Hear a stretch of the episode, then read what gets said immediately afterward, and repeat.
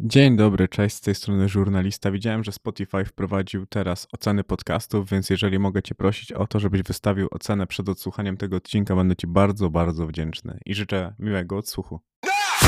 Żurnalista. Rozmowy bez kompromisów. Niepublikowane fragmenty tej rozmowy znajdziesz w aplikacji Empik Go. Dzisiaj będę rozmawiał z Nicole Sochacki, Wójcicka, mama ginekolog. Wójcicką. Wójcicką, tak po francusku. Mama ginekolog. Właśnie wiesz, bo ja tak zastanawiałem się ogólnie z ludźmi, którzy mają poniekąd pseudonimy artystyczne, zastanawiam No. się, jak to przedstawiać. No ja mam, no możesz tak albo tak, jak wolisz. No, Z Nikolą, o. O, no jest- właśnie słyszałem właśnie. o tym, bo moja siostra e, bardzo dużo o tobie wiedziała z perspektywy tego, że bardzo długo cię śledzi. I wysyłała mi research, bo ona też się zajmuje u mnie researchami. I ja mówię, ty wyblurowałaś wszystkie gównoburze. Ja mówię, o co tu chodzi? Ona mówi, nie chcę, żebyś e, był e, uprzedzony na, na początek ro- rozmowy. Ja mówię, dobra, to, to sam poszukam.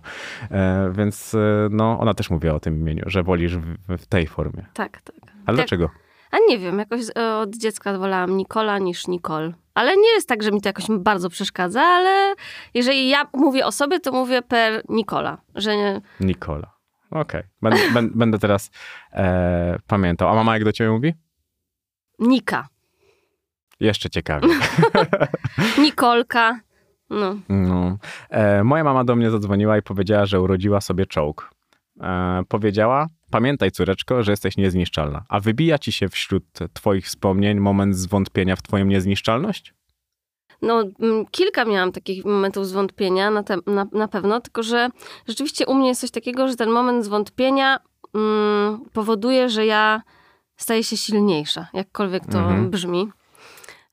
No takie momenty zwątpienia, gdzie ja już po prostu myślałam, no, na, pewno, na, na pewno dojdziemy do tego w, tym, w tej rozmowie, więc może zaczniemy Mhm. od, tego, od tego od razu.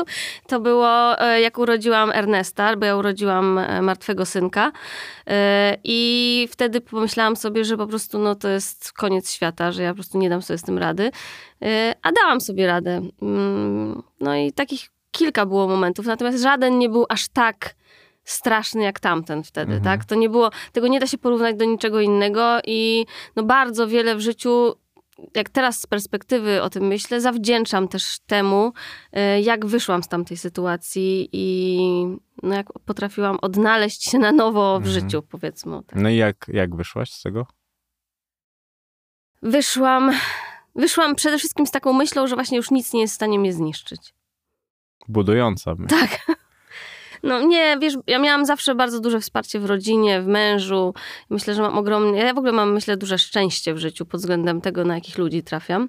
Mhm. Więc e, tutaj to mm, dzięki nim wyszłam, ale jako osoba wyszłam na pewno bogatsza, tak w, w takie, no taką siłę psychiczną. Mhm.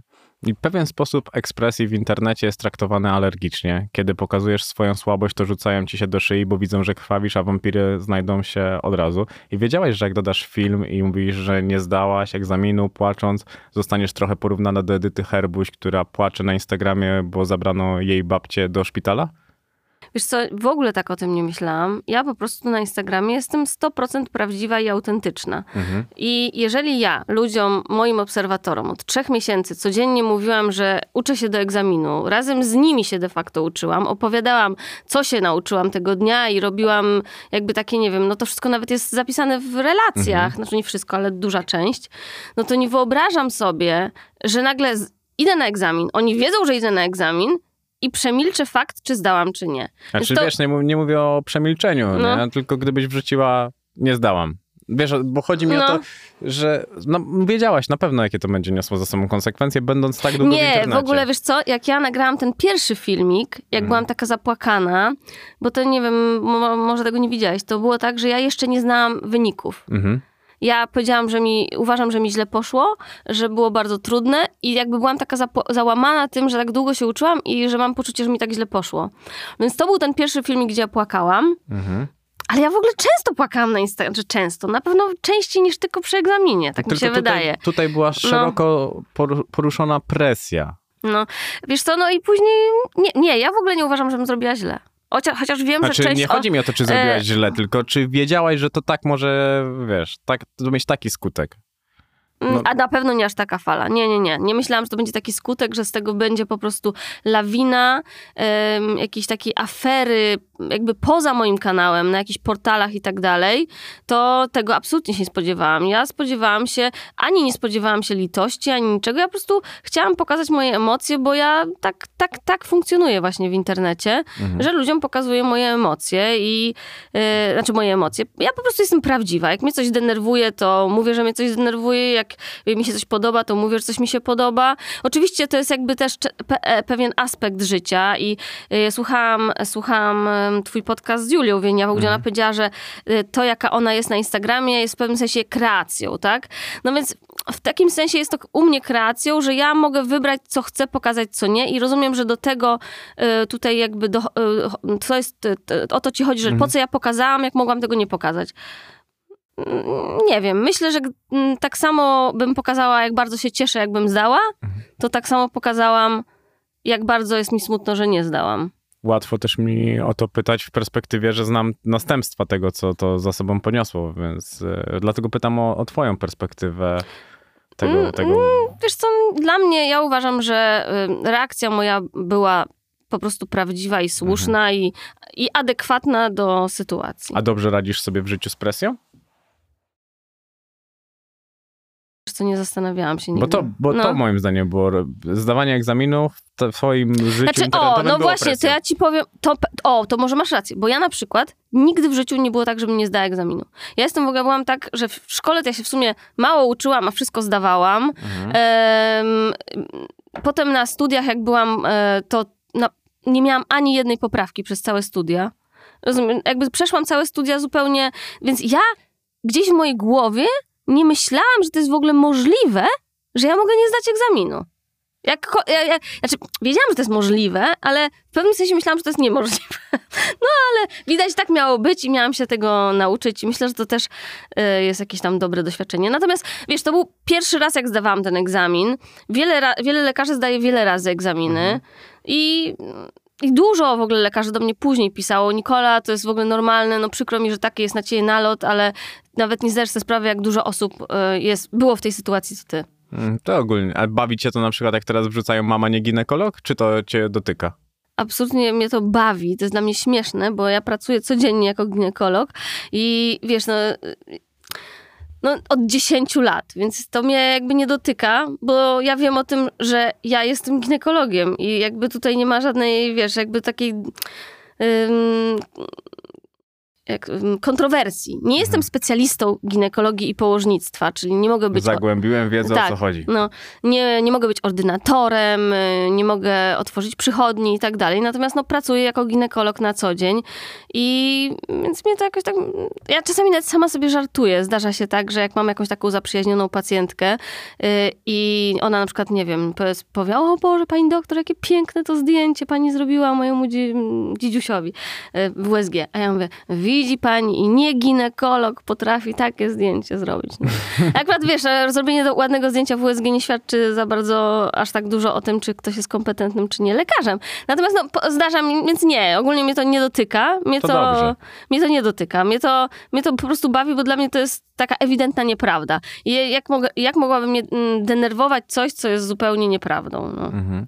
Joanna Koroniewska powiedziała o tobie, że budzisz skrajne emocje. To pytanie też e, takie, czy to nie jest tak, że to w tym tkwi twój sukces? Że ty pobudzasz, elektryzujesz. Jedni ci lubią, drudzy nie lubią i to jest fajne w tym wszystkim, że nie jesteś mdła i taka poprawna. Może, znaczy ja na pewno nie jestem poprawna, na pewno jestem nietypowa i bardzo często sama o to sobie mówiłam, że jestem taka niepolska. Że To jestem, jest, mam takie, takie cechy, które są w Polsce trochę nieakceptowalne, ale są to cechy, które mnie życie nauczyło, bo moje życie było takie dość nietypowe, tak? Bo ja się urodziłam w Austrii, najpierw chodziłam do szkoły niemieckiej, później em, do liceum chodziłam już do szkoły amerykańskiej. Czyli są wszystkie powody, żeby cię nienawidzić. Niemiec, Nie, nie, nie, no Au, Au, Austria, nie, nie, nie, nie no ale nie do szkoły niemieckiej. Do szkoły niemieckiej No, chodziłam, no. To już prawie Niemiec, pół Niemiec z No. jest. E, no trochę tak, tak. Em, no i em, po niemiecku mówię, no normalnie, tak prawie jak po polsku. Na koniec auwidę. E, nie, wiesz co, ja trosz, mnie, ale więc z jednej strony ja wiem o tym, Mhm. że te cechy są takie budzące kontrowersje w Polsce i takie może budzące Emocje, takie emocje. Bo kontrowersje to jest dużo. No, ale z drugiej strony powiem ci, że na przykład w moim prywatnym otoczeniu ja jestem osobą lubianą. Tak jakby mnie, ja Ale mam... ty też jesteś osobą w internecie, osobą lubianą. To, że jeżeli proporcja jest 95 do No. 5%, to nadal jest duża. No i więc mnie czasami zaskakuje, że kogoś tak na przykład denerwuje coś. Ja na przykład, ja załóżmy, jak to, że mówię na przykład o pieniądzach, o zarobkach, o, to u kogoś innego ja się cieszę, jakby ktoś coś takiego mówił, bo ja się z tego mogę nauczyć, tak? Mhm. Ja mogę wyciągnąć z tego wnioski, pomyśleć, co, po, nie wiem, porównać tak pozytywnie. A ludzie, nie wiem, z jakiegoś powodu uważają, że to jest przechwalanie się. A to nie jest absolutnie przechwalanie się, tylko pokazanie, że można. Tak? Tylko trzeba pracować, żeby wyciągnąć wnioski z czegoś, musisz podążać chociaż podobną ścieżką. Pomyśl sobie, ile to wszystko kosztowało pracy. A Znaczy- ludziom docelowo się nie chce pracować. Znaczy ja, y, ja uważam, że jestem osobą, która bardzo, bardzo, bardzo dużo pracuje i to od bardzo wielu lat y, i no, dużo osób tego nie wie, bo ludzie też oceniają czasami z perspektywy właśnie, mm, że widzą te 5-10 minut, gdzie ja tam, nie wiem, coś gotuję albo jakieś głupoty, mm, nie- no, nie, ocen- nie widzą tak jak naprawdę całej mojej pracy. Y, No i nie, mm, dużo osób, które nie śledzi mojego profilu, tak jak ty mówiłeś, dopiero musiałeś się Mhm. jakby wdrożyć w to, to trochę nie rozumie tego, jak ja doszłam do tego miejsca, w którym jestem, tak? To jest pismo święto mamy ginekolog, tak ci mogę powiedzieć, bo to naprawdę dużo, dużo e, stron. Mm, Też widziałem taką twoją wypowiedź, że wydałaś sporo kasy na niwelowanie kłamstw na swój temat i automatycznie po piśmie od prawnika wszyscy usuwają artykuły, e, jeżeli chodzi o ciebie. A pamiętasz najgorszą rzecz, jaką przeczytałaś o sobie, ale w perspektywie już artykułu? Taką kłamliwą, no bo mówiłaś, że kontaktujesz się często z prawnikiem, żeby Znaczy to... nie, ja, e, słuchaj, my po prostu mamy prawnika jakby na stałe. Mhm. I to nie jest tak, że ja za każdy, wiesz, każde pismo płacę. Po prostu No nie, mam, nie, no, wiem, wiem. etatowego prawnika. Ym, I rzeczywiście do pewnego momentu, jak ktoś, wiesz co, to nie o to chodzi nawet, że były kłamliwe, tylko ja nie, ja nie chciałam, żeby ym, różne portale, ja, ja teraz nawet nie mówię o takich plotkarskich, ale różnych takich nawet całkiem przyzwoite, y, pisały rzeczy bez mojej autoryzacji, tak? Że na przykład piszą, że piszą, nie wiem, powiedzmy o wietrzeniu narodowym. Słyszałeś o wietrzeniu narodowym? Nie, nie zagniesz mnie, tu jestem, wszystko wiem.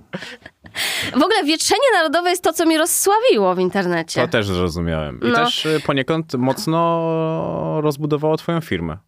Bo Tak, też y, zrobiłaś te tak, piżamy. tak, tak, tak, tak, tak, oczywiście, że tak. I to było, ale to było takie naturalne następstwo. No, dla tych z was, którzy tutaj nie wiedzą, czym jest Wietrzenie Narodowe, jest to, ym, jest to nazwa, którą moje obserwatorki powiedział, nazwa, e, utworzyły e, na, em, na zdrowe nawyki intymne, e, które polegają na tym, żeby spać bez majtek, żeby nosić bawełnianą bieliznę, e, żeby nosić właśnie przewiewne ubrania. No ale przede wszystkim to spanie bez majtek. To było taki, taki chodliwy temat i, e, i okazało się wtedy w 2017 roku, jak zrobiłam taką ankietę, że, że e, 60% moich obserwatorek, chciałam powiedzieć Polek, ale no to pewnie nie, nie da się tak jeden do jednego przełożyć, śpi właśnie w bieliźnie, że śpi w, i w piżamie i pod tym ma majtki. No i jak zaczęłam ludzi edukować, to coraz więcej osób, także w tym momencie jak zadam tak, zrobię taką ankietę, to już 90% pisze, że śpi bez majtek. I bardzo dużo dziewczyn, jak robiłam takie posty, pisało, że to w ogóle kompletnie zmieniło ich życie, bo przestały mieć infekcje intymne i w ogóle, no, miały, tak to miały nawracające przez wiele lat i no, to, więc, ale do, e, więc pytałeś się o, to, o te pisma. No więc ja nie lubię, jak ktoś coś pisze bez mojej autoryzacji, wy, wyciąga ludzi, rzeczy z kontekstu. E, I nie wiem, czy pamiętasz, jak naszą pierwszą rozmowę, że ja byłam taka zaskoczona, że ty coś robisz bez autoryzacji, ale potem stwierdziłam, że w sumie, jeżeli ty to tak puszczasz jeden do jednego, no to okej, no to nie jesteś w stanie wyciągnąć nic z kontekstu, jeżeli jest to ciągiem nagrane, tak? Em, ale y, więc ja nie lubię, jak ktoś właśnie stara się z, jakby zarobić na pisaniu o mnie o, albo wyciąganiu rzeczy z mojej. I wtedy piszemy takie pisma, że nie życzymy sobie, żeby. I zazwyczaj te, te, te, te artykuły są usuwane. Ym, A ktoś walczył kiedyś z wami, że nie usunie? Mm, wiesz co? Nie. Natomiast mm, nie do wszystkich piszemy, żeby usunąć, dlatego że, ojejku, jak ja mam cię teraz powiedzieć, bo to jest właśnie ten jeden temat, o którym nie mogę rozmawiać, bo mi mm, prawnicy za, nie pozwolili, to jest jeden, jeden nie, wiesz co, e, mm, być może lepiej będzie dla nas, jeżeli niektóre artykuły będą w internecie Mhm. na razie, żeby Okej. zabezpieczyć ich, e, wiesz, zabezpieczyć je, Żeby były. że były, bo mm, w efekcie końcowym będzie to dla nas lepsze. Moim zdaniem ludzi napędzają twoje porażki ze względu, że żyjesz na paśmie zwycięstw. Zobacz, e, ta porażka, powiedzmy, Mhm. nazwijmy to tak, z tym niezdanym egzaminem, to jest pierwsza porażka od bardzo długiego czasu, taka, która faktycznie wpłynęła na to, że coś ci się nie udało. Nie masz takiego wrażenia? To prawda. No. Że pierwszy raz od dawna pokazałaś, że coś wygrało z tobą. Tak. Bo, bo to, to mnie w tym e, zastanawiało. Tak jak ci mówiłem przed samą rozmową, że jak ludzie do mnie pisali i wiesz, wylewali tam jakieś gorzkie, gorzkie żale e, i na początku, no mówię, no nie, nie, jakoś tak wiesz, nie, nie starałem się za bardzo czytać, żeby się nie nastawiać, ale kiedy ja przeczytałem o tobie, to zrozumiałem i by, byłbym w stanie tam, wiesz, sam Mhm. odpisywać na te wiadomości. Ja mówię, sprawdź to, sprawdź to, sprawdź to. Mm. Odnośniki, bo ta Pismo Święte twoje jest e, całkiem, całkiem obszerne, ale teraz jeszcze odbijając e, od tego, jeżeli chodzi o relacje, spotkałem się z twoją wypowiedzią, że z każdej strony byłam otoczona miłością. To już jest dość oryginalne w gruncie rzeczy. E, Więc mogłam ona wydawać mi się bardzo prosta. A ty jesteś dobra w miłość, w związki, jesteś opiekuńcza, kochana. Jak ty siebie widzisz w związku? E, czy ja jestem mm, dobra w związki? W sensie... ym, Jaka jesteś dla męża? To tak uproszczę. My jesteśmy bardzo, bardzo zgranym, kochającym małżeństwem, natomiast ja nie jestem taką ciuciu, ciuciu, my nie mówimy do siebie per kochanie na przykład. Mhm. Wiesz co, to nie, nie jesteśmy takim małżeństwem, że kochanie, podaj mi mydło. No nie, ja jestem raczej taka, Kuba, podaj mi mydło. nie wiem, czy to jakby, jak w jakikolwiek sposób odpowiada na twoje, na twoje pytanie, natomiast na pewno ja jestem ja jestem taką, y, nie, jesteśmy bardzo konkretni i tak jakby komunikujemy swoje emocje, jak nas coś zdenerwuje, to sobie mówimy. I co ważne, jeżeli się nawet pokłócimy, to my następnego dnia to jakby rozwiązujemy. W sensie, wiesz, nie jest tak, że chodzimy i mamy jakieś ciche dni i w ogóle, więc, a oczywiście, że się też kłócimy. To jakby mi się wydaje jest normalne, bo znaczy, ja nie wiem, ja, mi się przynajmniej to wydaje normalne, że ludzie mają spięcia i mają różne poglądy na jakieś tam dane tematy. Ym, Jaka jestem? e, Myślę, że nie. Myślę za to, że do dzieci jestem kochająca. Ja, ja w ogóle staram się być taka, taką bardzo dobrą, wiesz, żoną, mamą, w sensie, że nie ma, ja bym, e, na przykład, nie wiem, może to jest takie głupie, ale u nas, u mnie zawsze muszą być zrobione zakupy. Wiesz, jak ja bym nie zrobiła zakupów, to mi by było źle, że o Boże, o Boże, w domu czegoś brakuje na przykład, rozumiesz? Albo i ja to robię, tak? To oczywiście ja mam panią do pomocy, y, która, e, która w domu mi pomaga sprzątać, mam nianie i dużo osób mi to zarzuca, tylko że ludzie nie rozumieją, że gdybym ja tych osób nie miała do pomocy, to ja bym nie mogła robić tego, co robię teraz, tak? I pamiętam dokładnie ten moment, bo to jest właśnie ciekawe. Ja bym chciała, żeby niektóre dziewczyny w ogóle mm, to zrozumiały, bo ostatnio właśnie jak pokazałam, coś tam pokazałam o niani, ktoś mi napisał, że no jak masz nianię, to nie dziwne, że coś tam y, możesz pracować, tak? No, no dokładnie, no nie dziwne, że mogę pracować, bo nie byłam, przecież dziecka nie zostawię samego w domu, tak? I pamiętam ten moment, jak jeszcze mieszkaliśmy na Marszałkowskiej. Mar- Na Marszałkowskiej to jest mieszkanie moich dziadków, e, które ym, jakby w, połowie dostałam w spadku, w połowie musiałam wykupić, wiadomo, jak to tam takie rodzinne różne tematy. No i, no i to mieszkanie, wiesz, 50 metrów, na, no takie, no my sobie Ale z ładnym remontowa- widokiem ale czytałem. z pięknym widokiem i tak dalej. No i e, zarabiałam wtedy, no tyle, co miałam z tego urlopu macierzyńskiego ze szpitala, czyli jakieś, nie wiem, 2,5 tysiąca może, nie?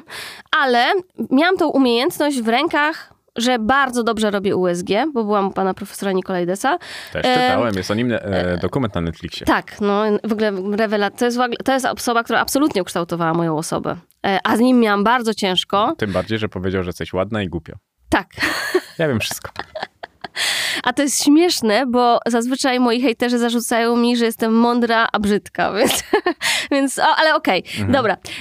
Ym, no więc pamiętam ten moment, że miałam właśnie, i to już nawet nie chodziło o pieniądze, znaczy inaczej, wiedziałam, że jestem w stanie moimi rękoma zarobić więcej, niż będzie kosztowało mnie zatrudnienie niani. Mhm. Rozumiesz, co chodzi? Że ja wiedziałam, że e, załóżmy, bo wtedy jeszcze nie pierwszą moją nianią była taka moja ciocia e, i ja powiedziałam, ciociu, ja ci, ja ci zapłacę za dzień 100 zł, że zostaniesz z Rogerem, a ja wiedziałam, że ja w tym czasie mogę pójść i zarobić 800. Więc Brian Tracy o tym pisał. Ja się kiedyś tego nauczyłem. Ale i właśnie to delegowanie jest dokładnie też chodzi o sprzątanie. Że jeżeli, oczywiście, jeżeli ja na przykład kocham gotować, tak? I ja wracam do domu, ja gotuję, bo ja to lubię. Nie, dla, nie robię tego, bo muszę, tak? Mhm. Ale na przykład sprzątać albo wstawiać pranie, no nie jest to w żaden sposób jakieś moje hobby. I ja wiem o tym, że czas, który mi zajęłoby posprzątanie całego domu albo włączenie prania, ja w ten czas jestem w stanie więcej zarobić albo nie wiem, więcej wartości wnieść w moje Zarobić, życie. To jest bardzo proste No. przełożenie, no bo powiedzmy, zarabiając 500 zł za godzinę, a zapłacisz komuś 100 za godzinę, tak abstrahując od, od pieniędzy po prostu, no to opłaca ci się to. Tak. No i to był właśnie ten moment, gdzie ja zrozumiałam, że wiesz, bo też byłam taką mamą na początku, że o Boże, nie chcę zostawić mojego synka, ojejku, jejku, jejku, Mhm. wiesz, taka, taki mój bąbelek. ale, ale później właśnie zdałam sobie sprawę, że dla dobra też nie jego, ja muszę zarabiać, żeby on miał lepsze życie. I ja w ogóle bardzo często, jak sobie tak myślę, po co to wszystko? Po co my to wszystko robimy? A my z y, Kubą naprawdę za każdym razem mówimy, mamy takie głębokie przekonanie, że my to robimy dla naszych dzieci. Rozumiesz, żeby żeby im się żyło dobrze, żeby one miały naprawdę no, najlepszy start w życie.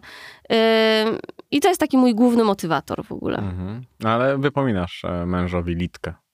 Wiem, że to imię fakcyjne, spokojnie.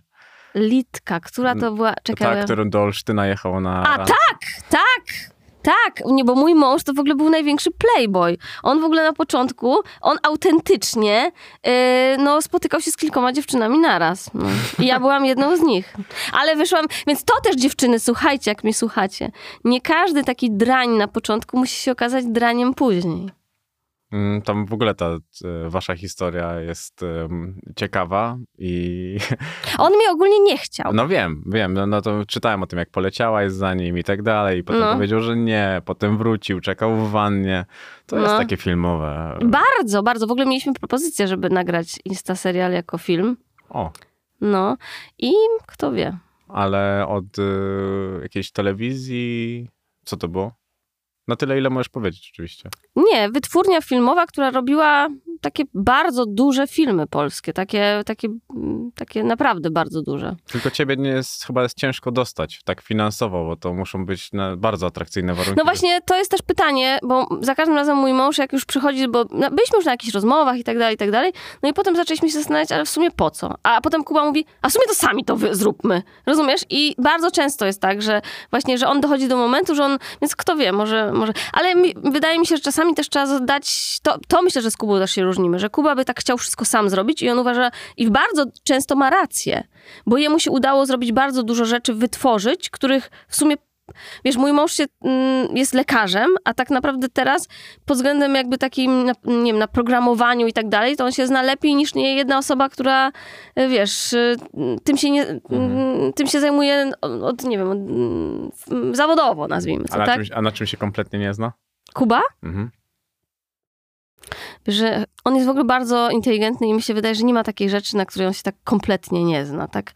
W ogóle to było to, co mi w nim zaimponowało. On mi się wydawał taki wow, że ja, ja w ogóle e, tak jak go spotkałam, pomyślałam, Boże, spotkałam tak mądrą osobę jak ja. się oplułem. No, nie, e, nie, trochę, znaczy nie, powiem ci tak, że mm, naprawdę jest taką osobą, z, którą, z którą mogę o wszystkim rozmawiać, na każdy temat on ma coś do powiedzenia, na czym on się nie zna. Kurde, chciałabym coś powiedzieć, ale tak... Mm, Czyli na kobietach się zna, no bo był playboyem, to coś tam o niej wie. Na firmie się zna. Chociaż wiesz co, można powiedzieć, można kobietach, no... Nie, no chyba się zna, no, tak. Chociaż ja, wiesz, jak tak potem z perspektywy patrzyłam na te jego... mm, Ale może jestem spaczona, no ale jak, jak patrzyłam na te jego były dziewczyny, no to były nie w moim guście. Mhm. A jesteś zazdrosna? Ym, znaczy wtedy na pewno byłam, bardzo. A, ym, I na początku, jak wiesz, mieszkaliśmy jeszcze osobno, on w Wielkiej Brytanii, ja w Polsce, no to to była masakra. Ale teraz nie, bo w ogóle nie mamy takiego... My, wiesz, spędzamy non-stop razem, tak? Mhm. Znaczy non-stop, no wiadomo, ja chodzę do pracy, on chodzi do pracy, ale tak poza tym to nie, nie ma takiej sytuacji, żeby na przykład mój mąż gdzieś sobie po, wyjechał z kumplami, wiesz, na... On nie ma takich potrzeb. On mówi, że jego najlepszym kolegą jestem ja.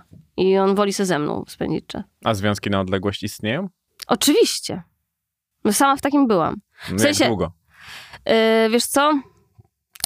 Dwa lata w sumie, w sensie dwa, dwa razy po rok, bo to było tak, że najpierw pierwszy rok, który byliśmy razem, no to ja byłam w Warszawie, Kuba był w Wielkiej Brytanii, potem ja tam poleciałam, A potem było tak, że ja w końcu wyjechałam, powiedziałam, że ja nie jestem w stanie tutaj. Potem mieszkałam dwa lata w Londynie i później powiedziałam Kubie, że ja już nie jestem w stanie tutaj e, mieszkać, że ja po prostu wracam do Polski. Ja nie wyobrażam sobie mieszkać poza Polską i że czuję się po prostu jak taki przesadzony kwiatek, który jest w jakoś tak, nie, tak, bardzo ładna metafora. e, nie w swojej glebie. E, I wróciłam do Warszawy i to nie było tak, że my się rozstaliśmy, bo my niby byliśmy razem, ale ja nie wiedziałam, czy my jeszcze dalej będziemy razem, czy on wróci do Polski, czy nie, bo jemu znowu tam było bardzo dobrze. I on właśnie zaczął swoją pierwszą pracę, po raz pierwszy w życiu zarabiał tak przyzwoicie, powiedzmy, no bo wcześniej, jak wiesz, polewał piwo w pubie, jak dorabiał sobie na studiach, czy coś tam, czy wiesz, e, to, to, to, to były jakieś tam pojedyncze No, ale funty. ty byłaś Jamesem Bondem Gdzie? w paznokciach. A. Nie. No, ja praca, moja pierwsza praca rzeczywiście to było, ale nie skojarzyłam tego, widzisz, ja mówię, ja mam taką pamięć dziwną, taką, że ja coś tam, ym, znaczy, wiesz, jak mi już przypomnieć, to, to powiem. Ym, moja pierwsza praca to była w salonie kosmetycznym, byłam recepcjonistką i sprawdzałam, czy panie, które pracują w tym salonie nie oszukują i nie ściągają e, klientek do siebie do domu, bo to było nagminne, że właśnie pac- e, pacjentki, widzisz, klientki, pacjentki, że e, klientki dostawały karteczki, że może pani chce się umówić gdzie indziej, a ponieważ był to salon kosmetyczny mojej em, tam znajomej, no to ona właśnie mnie zatrudniła jako taką i recepcjonistkę i właśnie taką osobę, która będzie szpiegować. Mm. E, Podoba mi się też, jak przejmujesz inicjatywę w życiu i to, to, to dla mnie fenomenalne, jak e, nie ukrywam przed, nie ukrywałam przed Kubą, że nadszedł czas na zaręczyny. On tak nie uważał. Ślub i małżeństwo wydawały mu się niepotrzebne, skoro byliśmy dotychczas tak szczęśliwi, nie formalizując związku. Dzisiaj widzisz jakieś takie płaszczyzny do rozwijania waszego związku? Bez jego mm, obecności? Nie, teraz bardziej on mną rządzi w O. ogóle. No, naprawdę. się?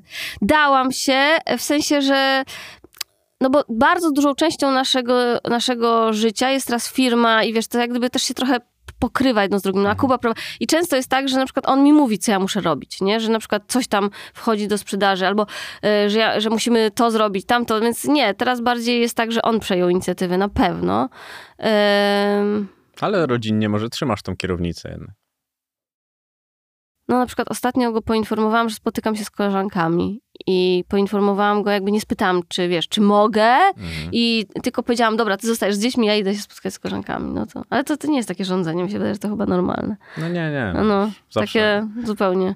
No nie, nie, nie, nie, nie, nie mam. W ogóle, nie tak myślę, ja bym chciała ci jakiś taki sprzedać smaczek, coś No ciekawego, nie, no ale... do, do tego jeszcze dojdziemy. Właśnie, ja się bałam, to co wczoraj napisałam, że ja się boję, że ta rozmowa będzie taka nudna. Nie, dlaczego nudna? Ona No. w ogóle nie będzie e, nudna. Ale jeszcze odbijając od związku, Witek jest idealnym przykładem tego, jak pozory i nasze wyobrażenia o ludziach mogą mylić. Od czasu, gdy, e, gdy On tak jest dobrze... podobny do ciebie w ogóle, wiesz? Ten Witek. No widzisz? I też Ale- miał studio nagraniowe. No. A to gubisz kiedyś ostrość w ocenach ludzi przez pryzmat błędnych doświadczeń?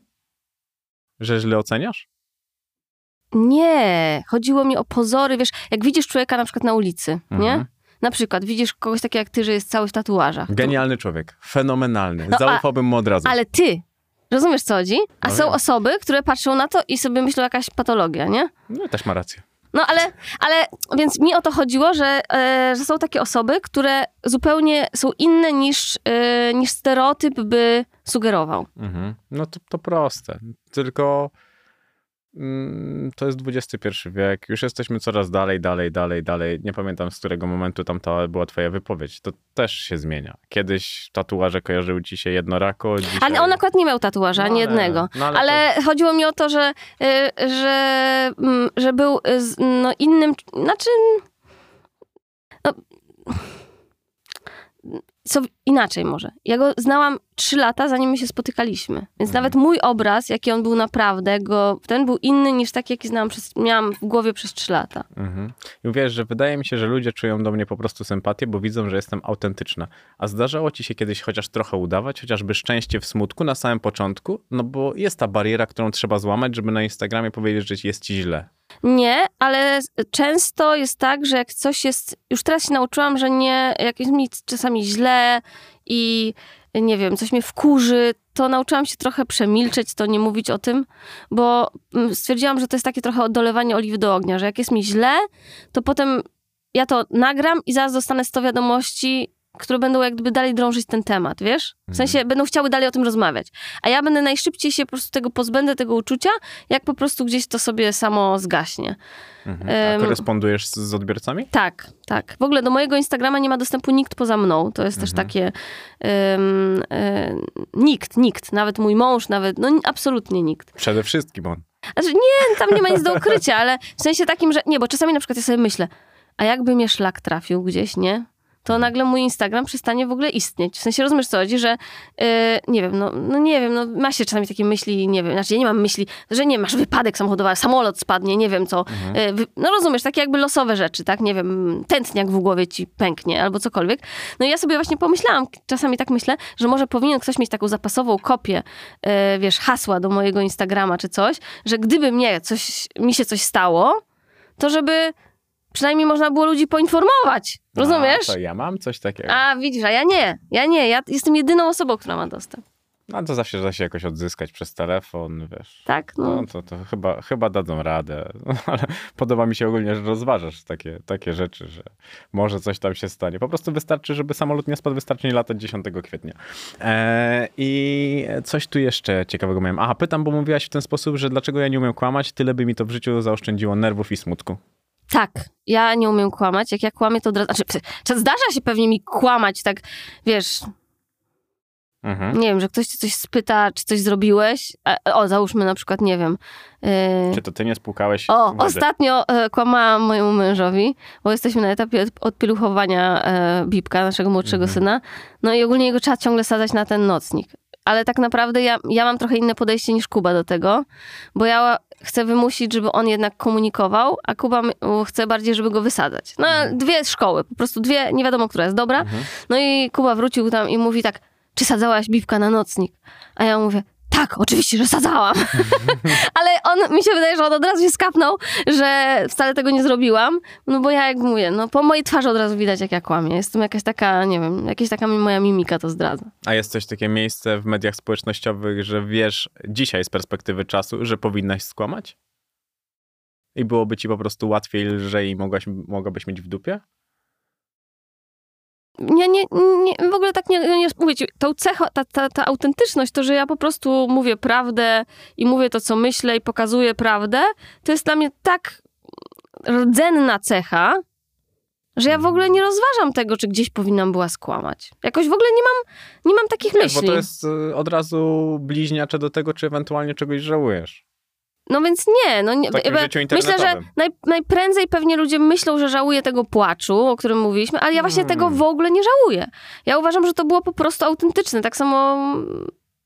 No, nie, nie widzę w tym nic, jakby zupełnie nie widzę w tym nic złego. Wydaje mi się, że problem w interpretowaniu tego jest taki, że ty nagrywasz to dla ludzi, którzy ciebie oglądają od dłuższego czasu. zazwyczaj. Tak, tak, tak. A zaczyna oglądać to, tak jak ja, ktoś, kto nagle zaczyna to oglądać i wiesz, mój odbiór jest na początku taki, o co tu kurwa chodzi?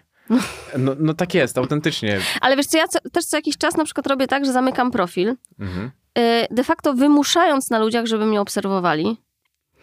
Ale nie robię tego dlatego, że mi zależy na zasięgach, bo ja naprawdę, mnie, już jakby pomijając to, że mam ogromne zasięgi, ja o tym wiem, Mhm. y, to Ale też ja nie... o cięciu, nie? Przez te medyczne treści czy coś takiego, to też czytałem o tym. Wiesz co, No ale to... ale wiesz co, ja teraz z perspektywy myślę, że tam był jakiś problem z Instagramem techniczny. Nadal jest, moim zdaniem. Bo dużo osób miało ten problem i to jest tak, że na przykład teraz już nie mam tego problemu znowu. Mhm. Mimo, że... y, A, wiem o czym ty mówisz, że nie cięcie.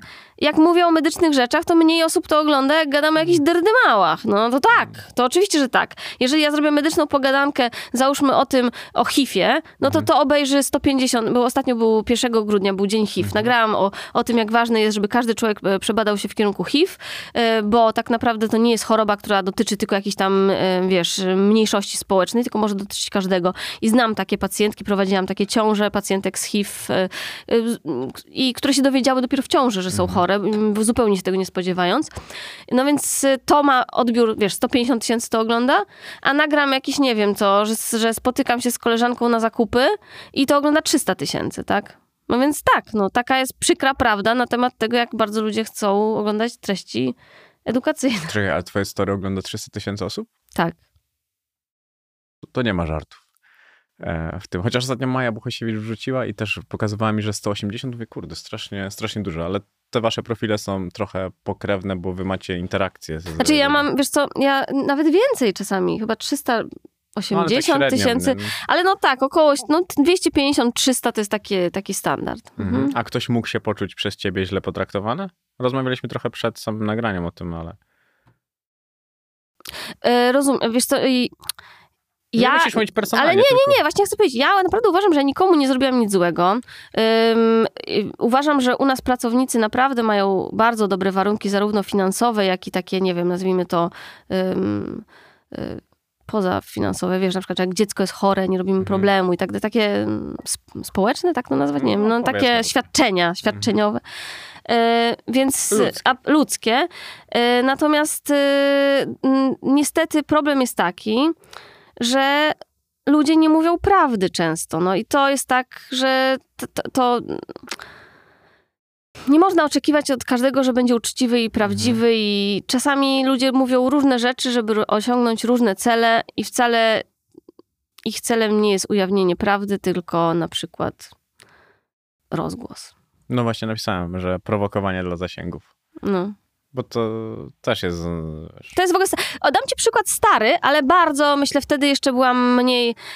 Jak wydałam pierwszą książkę, czyli Insta Serial Miłości, tą książkę o naszym, Mhm. o, wiesz, jak się poznałam z Kubą, to pamiętam, że taka jedna dziewczyna, która ja wtedy miałam może z 10 tysięcy obserwatorów, ona miała tak z 5 tysięcy obserwatorów i ona nagrała story, że moja książka jest beznadziejna. Że ona przeczytała to gówno i w ogóle jak można taką tam grafomanię popełnić i wiesz, tam całe story nagrała, jakie to jest beznadziejne. I mi się zrobiło tak przykro i tak myślałam, Jezu, ja muszę się do tego odnieść, nie? Mhm. No więc ja na to zareagowałam tak, że też usiadłam przed story i i- nie, bo ona tam dużo jakby tych konkretów tak się czepiała, Mhm. nie? No ja usiadłam i zaczęłam nagrywać, że no ta, nazwijmy ją Weronika, inaczej miała na imię. E, Weronika tutaj z profilu tego i tego, tak brzydko mówią o mojej książce, słuchajcie, tak mi się przykro zrobiło, w ogóle to jest nie w porządku, przecież mogła po prostu nie czytać, nie musi tego. I co się z tego zrobiło? Że moi obserwatorzy poszli do Weroniki. Rozumiesz co? To był jej cel. I ja jej dokładnie zrobiłam to, co ona chciała. Zrobiłam jej dobrze. No, to będzie tytuł. Zrobiłam Weronice dobrze. Zrobiłam jej dobrze, to może być. Ale ja e, robię dobrze wielu kobietom. Bardzo wielu. Bardzo, no. Była u mnie Kasia Warnke i opowiadała mi o swoich e, marzeniach seksualnych. A nie, to ja w ogóle nie mam marzeń seksualnych z kobietą w ogóle. Absolutnie. Wręcz jest ta, nie wiem, czy znasz, jest ta, ja studiowałam też psychologię Mhm, i w ogóle widziałem. bardzo interesuję się seksuologią. To jest taki mój, no myślę, że jak skończę specjalizację z ginekologii, to może bym chciała robić seksuologię. Konik bardzo dobrze brzmi tu. E, to, e, tak, to jest mój konik. E, jest taka skala tam, że wiesz, że ludzie są nas, nas, albo totalnie homoseksualni, albo totalnie heteroseksualni, albo są biseksualni. Taka skala chyba od 1 do 6. I że większość osób wcale nie jest na 1 albo 6, tylko większość osób jest 2 albo 5. Tak? Rozumiesz, co chodzi? Tak, tak, tak. tak. A że te 3-4 to są te... Do 10 potrafię liczyć. No, więc, ym, że gdzieś tam potrafią mieć pociąg, mimo tego, że so, deklarują się jako w danej, w danej Mhm, rozumiem. no, że pociąga ich dana płeć. E, No to nie, to ja naprawdę powiem ci, że ja jestem taka, że mi się absolutnie tylko i wyłącznie podobają mężczyźni. W sumie jeden mężczyzna, żeby było poprawnie, ale, ale no nie, nie. No, inni też ci mogą się podobać. Tak, ale nie mam, nie no, ja mogę powiedzieć, że jakaś kobieta jest atrakcyjna i tak dalej, ale w kontekście takim nie jest to dla mnie... Jakiś, Podniecające. tak, tak. Tego no. słowa szukaliśmy. No. A życie erotyczne Polaków jest ciekawe? No jak jeżeli się tym interesujesz, to pewnie co, co nieco wiesz. Jest tak samo ciekawa jak wszystkich innych. Wcale No nie jest. Ja uważam, że jest ciekawa jak najbardziej. I powiem ci, że od kiedy wprowadziliśmy ten nasz dział przyjemnie, bo my mamy też takie różne, wiesz, urozmaicające rzeczy e, w naszym sklepie. Em, Ale urozmaicające to do życia erotycznego? Tak, Okej, tak. Mama To ginekolog przyjemnie. Tak, okej. taki mamy zakładkę. No.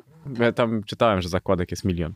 Nie, zakładka Mama Ginekolog Przyjemnie, w której znajdziesz właśnie wybrane, jakby celem tej zakładki było to, żeby to były rzeczy, które sprawiają przyjemność kobietom. Mhm. Tak? Czyli to jest taki nie, No. nie mężczyznom, tylko, a czy wiesz, pośrednio też mężczyznom, ale raczej y, są celowane do kobiet, tak? Y, I są bardzo takie subtelne, że na przykład, y, bo ja zauważyłam, że jak dziewczyny, na przykład, skąd to w ogóle wyszło? To też może być fajne, ciekawe, bo zdarza się nieraz, że ja muszę pacjentkom zalecić jakieś różne takie gadżety. Na przykład jak mamy pacjentkę e, po, e, po połogu, że ma, ma zwężone ujście pochwy po porodzie, bo jest e, za bardzo zaszyte. Albo mamy pacjentkę, która jest po jakiejś operacji, która też wymaga rozszerzenia później pochwy. Albo mamy dziewczyny, które jeszcze nie współżyły i mają zarośniętą błonę dziewiczą i tą błonę dziewiczą też trzeba rozszerzyć, tak? No to są, są takie specjalne dilatory, które najpierw są bardzo małe, potem coraz No. większe i tak dalej, i tak dalej. No i e, to w ogóle wyszło. Z... Ja nieraz to polecałam pacjentkom, często zresztą. E, I. ym, i musiałam im za każdym razem polecać jakiś sex shop. W sensie mówiłam, pani kupi to tu i tu. Rozumiem. I te kobiety wchodziły na te, te sklepy i często były przerażone, bo tam było po prostu mi pełno rzeczy takich, które ich gdzieś tam przerażały. Ja wiesz, nie oceniam, czy akurat czy mnie to przeraża, czy ich, i, no każdy inaczej, inaczej ten, ale na pewno nie było to do końca profesjonalne, żeby lekarz ci mówił, idź na stronę tam, wiesz, taką i taką. No i y, właśnie chciałam stworzyć takie miejsce, w którym mogę odsyłać kobiety, które mają problem z nieosiągnięciem orgazmu, który jest w ogóle mega częstym problemem kobiet, ogromnie częstym, gdzie mogę odsyłać kobiety, które mają właśnie problemy z tym ujściem pochwy, że jest za małe, mają bolesne stosunki, gdzie mogę odsyłać kobiety, które mają obniżenie narządów rodnych albo, albo nietrzymanie moczu, bo też mamy takie urządzenia, które pomagają ćwiczyć mięśnie. Także, no i, i ale są to ż- ewidentnie rzeczy, które poprawiają jakość życia seksualnego. To teraz jeszcze powiedz mi tak, bo jak e, ja do tego się przygotowałem, no to dużo było informacji, że wy działacie głównie dropshoppingowo i to jest e, ściągane z Chin i tak dalej, i tak dalej. To... A w to, ogóle nie. Ale, ale, ale to wiesz, to No. nawet mnie nie dotyka, bo No. ta, tak działa biznes. Kupujesz coś taniej, sprzedajesz drożej, niezależnie w jakiej No. formule to jest. Ale e, no akurat w ogóle to jest nieprawdą na temat naszej firmy, bo ja wiem, co to jest dropshipping i ja też tego w ogóle nie oceniam. Jak ktoś tak chce sprzedawać, to super. Jeżeli są nabywcy, to niech ten... Ale akurat nasze produkty są produkowane w Polsce. Wszystko. My mamy wszystko... Znaczy w ogóle tak, mamy markę naszą i to wszystko jest produkowane od początku, tworzone w ogóle. My mamy in-house projektantów i tak dalej. I to jest wszystko tworzone i od, od, od pomysłu do klienta, do tego, jak to jest u klienta, to to jest robione w Polsce, u nas. Natomiast mamy też marki zewnętrzne tak zwane, tak? Czyli mamy takie marki, yy, no wiesz, na przykład nie, my nie produkujemy smoczków, ale też nie produkujemy wibratorów, nie produkujemy skarpetek na Dlatego, przykład, się, tak? dlatego to chciałem pytać właśnie. Ale to są wszystko, to wszystko są rzeczy, które są już u nas na magazynie. Nic nie sprzedajemy jakby... Mm, Wiesz, że dopiero będzie kiedyś może, to już kup, a my to wtedy zamówimy. Nie, wszystko jest fizycznie u nas. A jakie są największe mity o tobie? Takie, z którymi trochę musisz się mierzyć. Eee, największy mit albo taki ten to jest to, że jestem gruba. Ja nie wiem A dlaczego. to też mówiłaś, no. Strasznie dużo ludzi uważa, że ja kłamię, że ja jestem eską Mhm. i że ja na pewno jestem jakaś. Znaczy, nie, mo, znaczy ja wiem o tym, że kamera powiększa człowieka, tak? I zazwyczaj jak ludzie mnie spotykają, czy pacjentki, czy w ogóle, to mówią: Oj, jaka ty jesteś niska i mała. Dzisiaj brzmisz na szczupłą. Tak? Tu nie ma kamer. Nie, ale, ale no i wiesz, i to jest takie śmieszne, że ktoś, powiem ci tak, gdybym ja nosiła M albo L, to ja bym po prostu ludziom mówiła. Ja ludziom odpowiadam na pytanie, jaki mam rozmiar, bo oni na przykład widzą coś na mnie i chcą sobie to samo kupić i się pytają, jaki masz rozmiar? No to ja odpowiadam, mam na sobie eskę. No i za każdym razem wtedy się włączają te takie komentarze, o, nasza eseczka znowu kłamie, o, ho, ho, ho, wiesz. A ja tak sobie kurde, gdybym była M, napisałabym, że jestem M. No nie, no po prostu, no jestem, ja jestem taką drobna, no. Mnie to fascynuje, po co oni cię obserwują. Ludzie, którzy... Znaczy ja myślę, że y, jak ktoś coś komentuje o tobie i się przyczepia, to to świadczy o nim. To jest problem tej osoby. Rozumiesz, co chodzi? Jeżeli jakaś osoba komentuje moją wagę, to ta osoba ma problem ze swoją wagą. Czy za, za mała, czy za Albo z duża. mózgiem. Znaczy mózgiem, nie wiem, ja tak nie oceniam. Może, nie wiem. Nie, dlaczego? Właśnie, wiesz co, mi się wydaje, że ludzie popularni nie mają prawa obrażać tych, którzy obrażają ich. E, tak, ale ja też powiem ci jako lekarz, nie lubię e, mówienia, że ktoś jest na przykład e, chory psychicznie. Mhm. Albo wiesz, że to jest wariat, Ale możesz albo powiedzieć, że coś. jest popierdolone. No okej, definicja okej, medy- no, no, no może być po, popieprzony.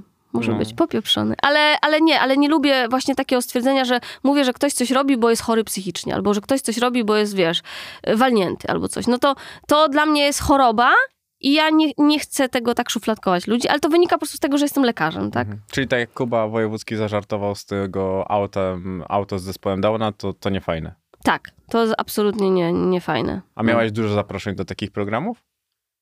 Wiesz co, do Kuby Wojewódzkiego nie byłam zaproszona, Mhm. więc do takich programów nie. Ale nie, no do telewizji bardzo dużo, na przeróżne jakieś YouTube, podcasty i tak dalej. To jest też tak, że większość tych zaproszeń przychodzi na maila do tego Mhm. takiego, wiesz, tam naszego takiego Ogólnego. ogólnego albo tego takiego Nicole tam. A, no tak. E, ja tego maila, uwaga, w ogóle nie czytam. W sensie w ogóle. Ja nawet nie wiem, co tam się dzieje, dlatego że ja mam tak dużo na głowie i że ja mam od tego asystentkę, która to prze, przegląda. E, I tylko jakby było coś jakieś, nie wiem, jak mega turbo ważne, to ona mi o tym powie. Ale ona na przykład wie, że wszelkie wywiady i propozycje ma odmawiać. I dlaczego?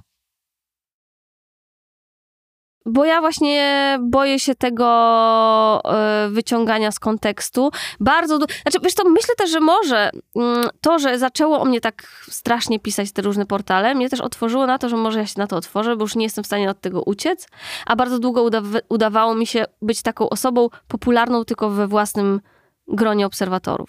Rozumiesz, co chodzi? Wiem, bo ja tak robiłem i później I nigdy mi nie zależało na tym, żeby, żeby mnie jakaś obca osoba widziała w telewizji, właśnie widziała ten wyrywek życia mojego, taki wiesz, te, te pięć minut, że ktoś coś tam mnie spyta i robi sobie obraz mnie na podstawie tych pięciu minut. Ja mi bardzo zależało, żeby te osoby, które mnie obserwują, które są ze mną, trafiły do mnie Mhm. I poznały rzeczywiście, jak to jest, jaka jest prawda.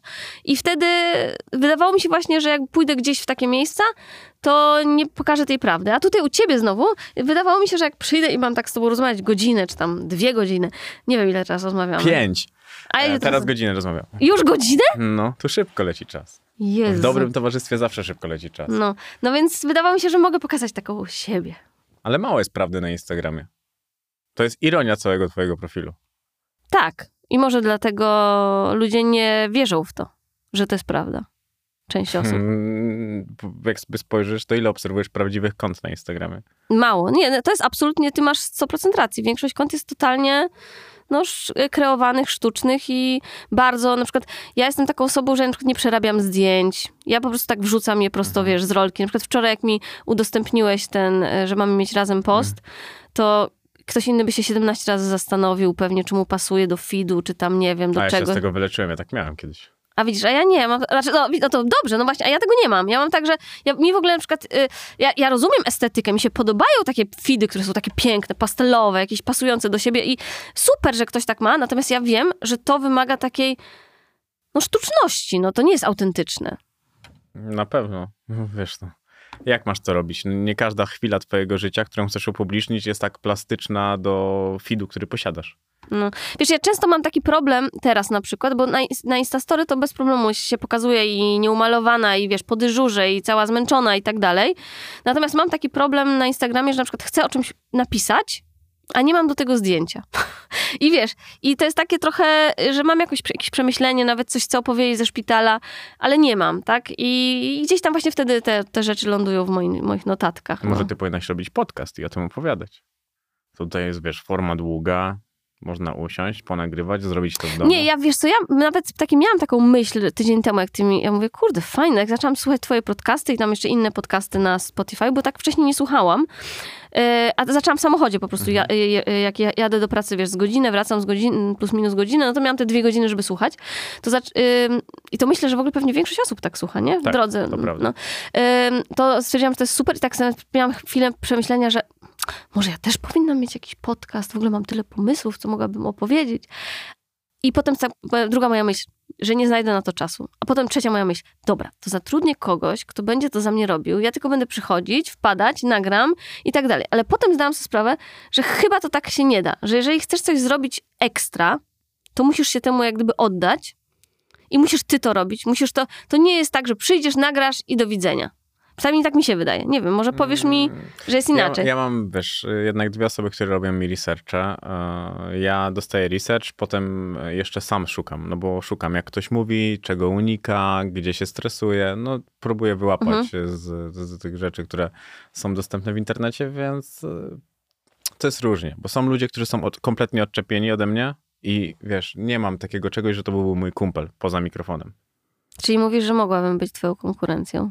Mm, To nie jest konkurencja. Ja każdego, ja, a ja każdego, ja każdego namawiam na podcast, bo uważam, Tak. że to jest świetna forma, dużo bardziej rozwijająca niż słuchanie tej samej muzyki w kółko.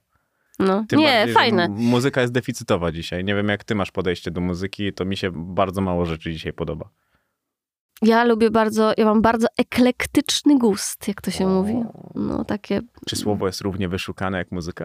tak. Bo bardzo, bardzo dużo muzyki słucham takiej starej, w sensie takiej, nie, że, ty wiesz, takiej w sensie starej, nie, że nie, nie to, co teraz jest modne i y, s- na czasie, Mhm. jak na przykład Mata, akurat jego lubię i słucham, ale, y, ale mam tak bardzo, na przykład lubię Carle Bruni, mało Mhm. kto pewnie zna Carle Bruni, albo to była taka, była żona m, prezydenta Francji, E, znaczy była żona, żona byłego prezydenta Francji. E, I e, ona pięknie śpiewa, więc polecam wam Carle Bruni, jeżeli nie znacie. Albo uwielbiam e, muzykę niektórych niemieckich wykonawców. Tak, ja przez to, że znam... Przestań, ja serialu Dark nie byłem w stanie zobaczyć przez to, że tam ten język niemiecki mi się przebijał. Jest taka, nie wiem, czy pamiętacie taką piosenkarkę Sarah Connor. To jakieś Mhm. A, takie... Ale nie, to było jakieś takie, to była taka disco. W No. latach tam, jak my byliśmy, na, nie wiem ile ty masz lat, bo ja mam, 29. no a ja mam 38. Przykro mi. No, e, słuchaj, no to jak ja byłam taką nastolatką, dwudziestolatką, to Sarah Connor to była takie disco, takie wiesz, Mhm. na, takie totalnie, takie, no raczej taka trochę obciachowa muzyka, znaczy obciachowa, taka mainstreamowa, o, Czyli mainstreamowa. obciachowa.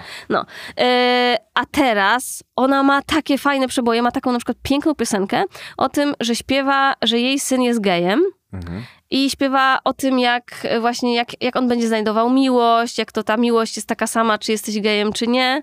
I no, mega piosenka. Ja ją uwielbiam, tą piosenkę. A Adele? E, nie jest, znaczy nie, Adele pięknie śpiewa, bardzo ma, wiesz, pięknie, ale nie jestem jakąś fanką Adele, nie włączam sobie sama A, z siebie ja lubię Adele, smutne rzeczy, wiesz. tak? Ja lubię smutną muzykę. Znaczy ja też lubię smutną muzykę, tak, ja też To lubię. wesoła jakoś tak ze mną tam, wiesz.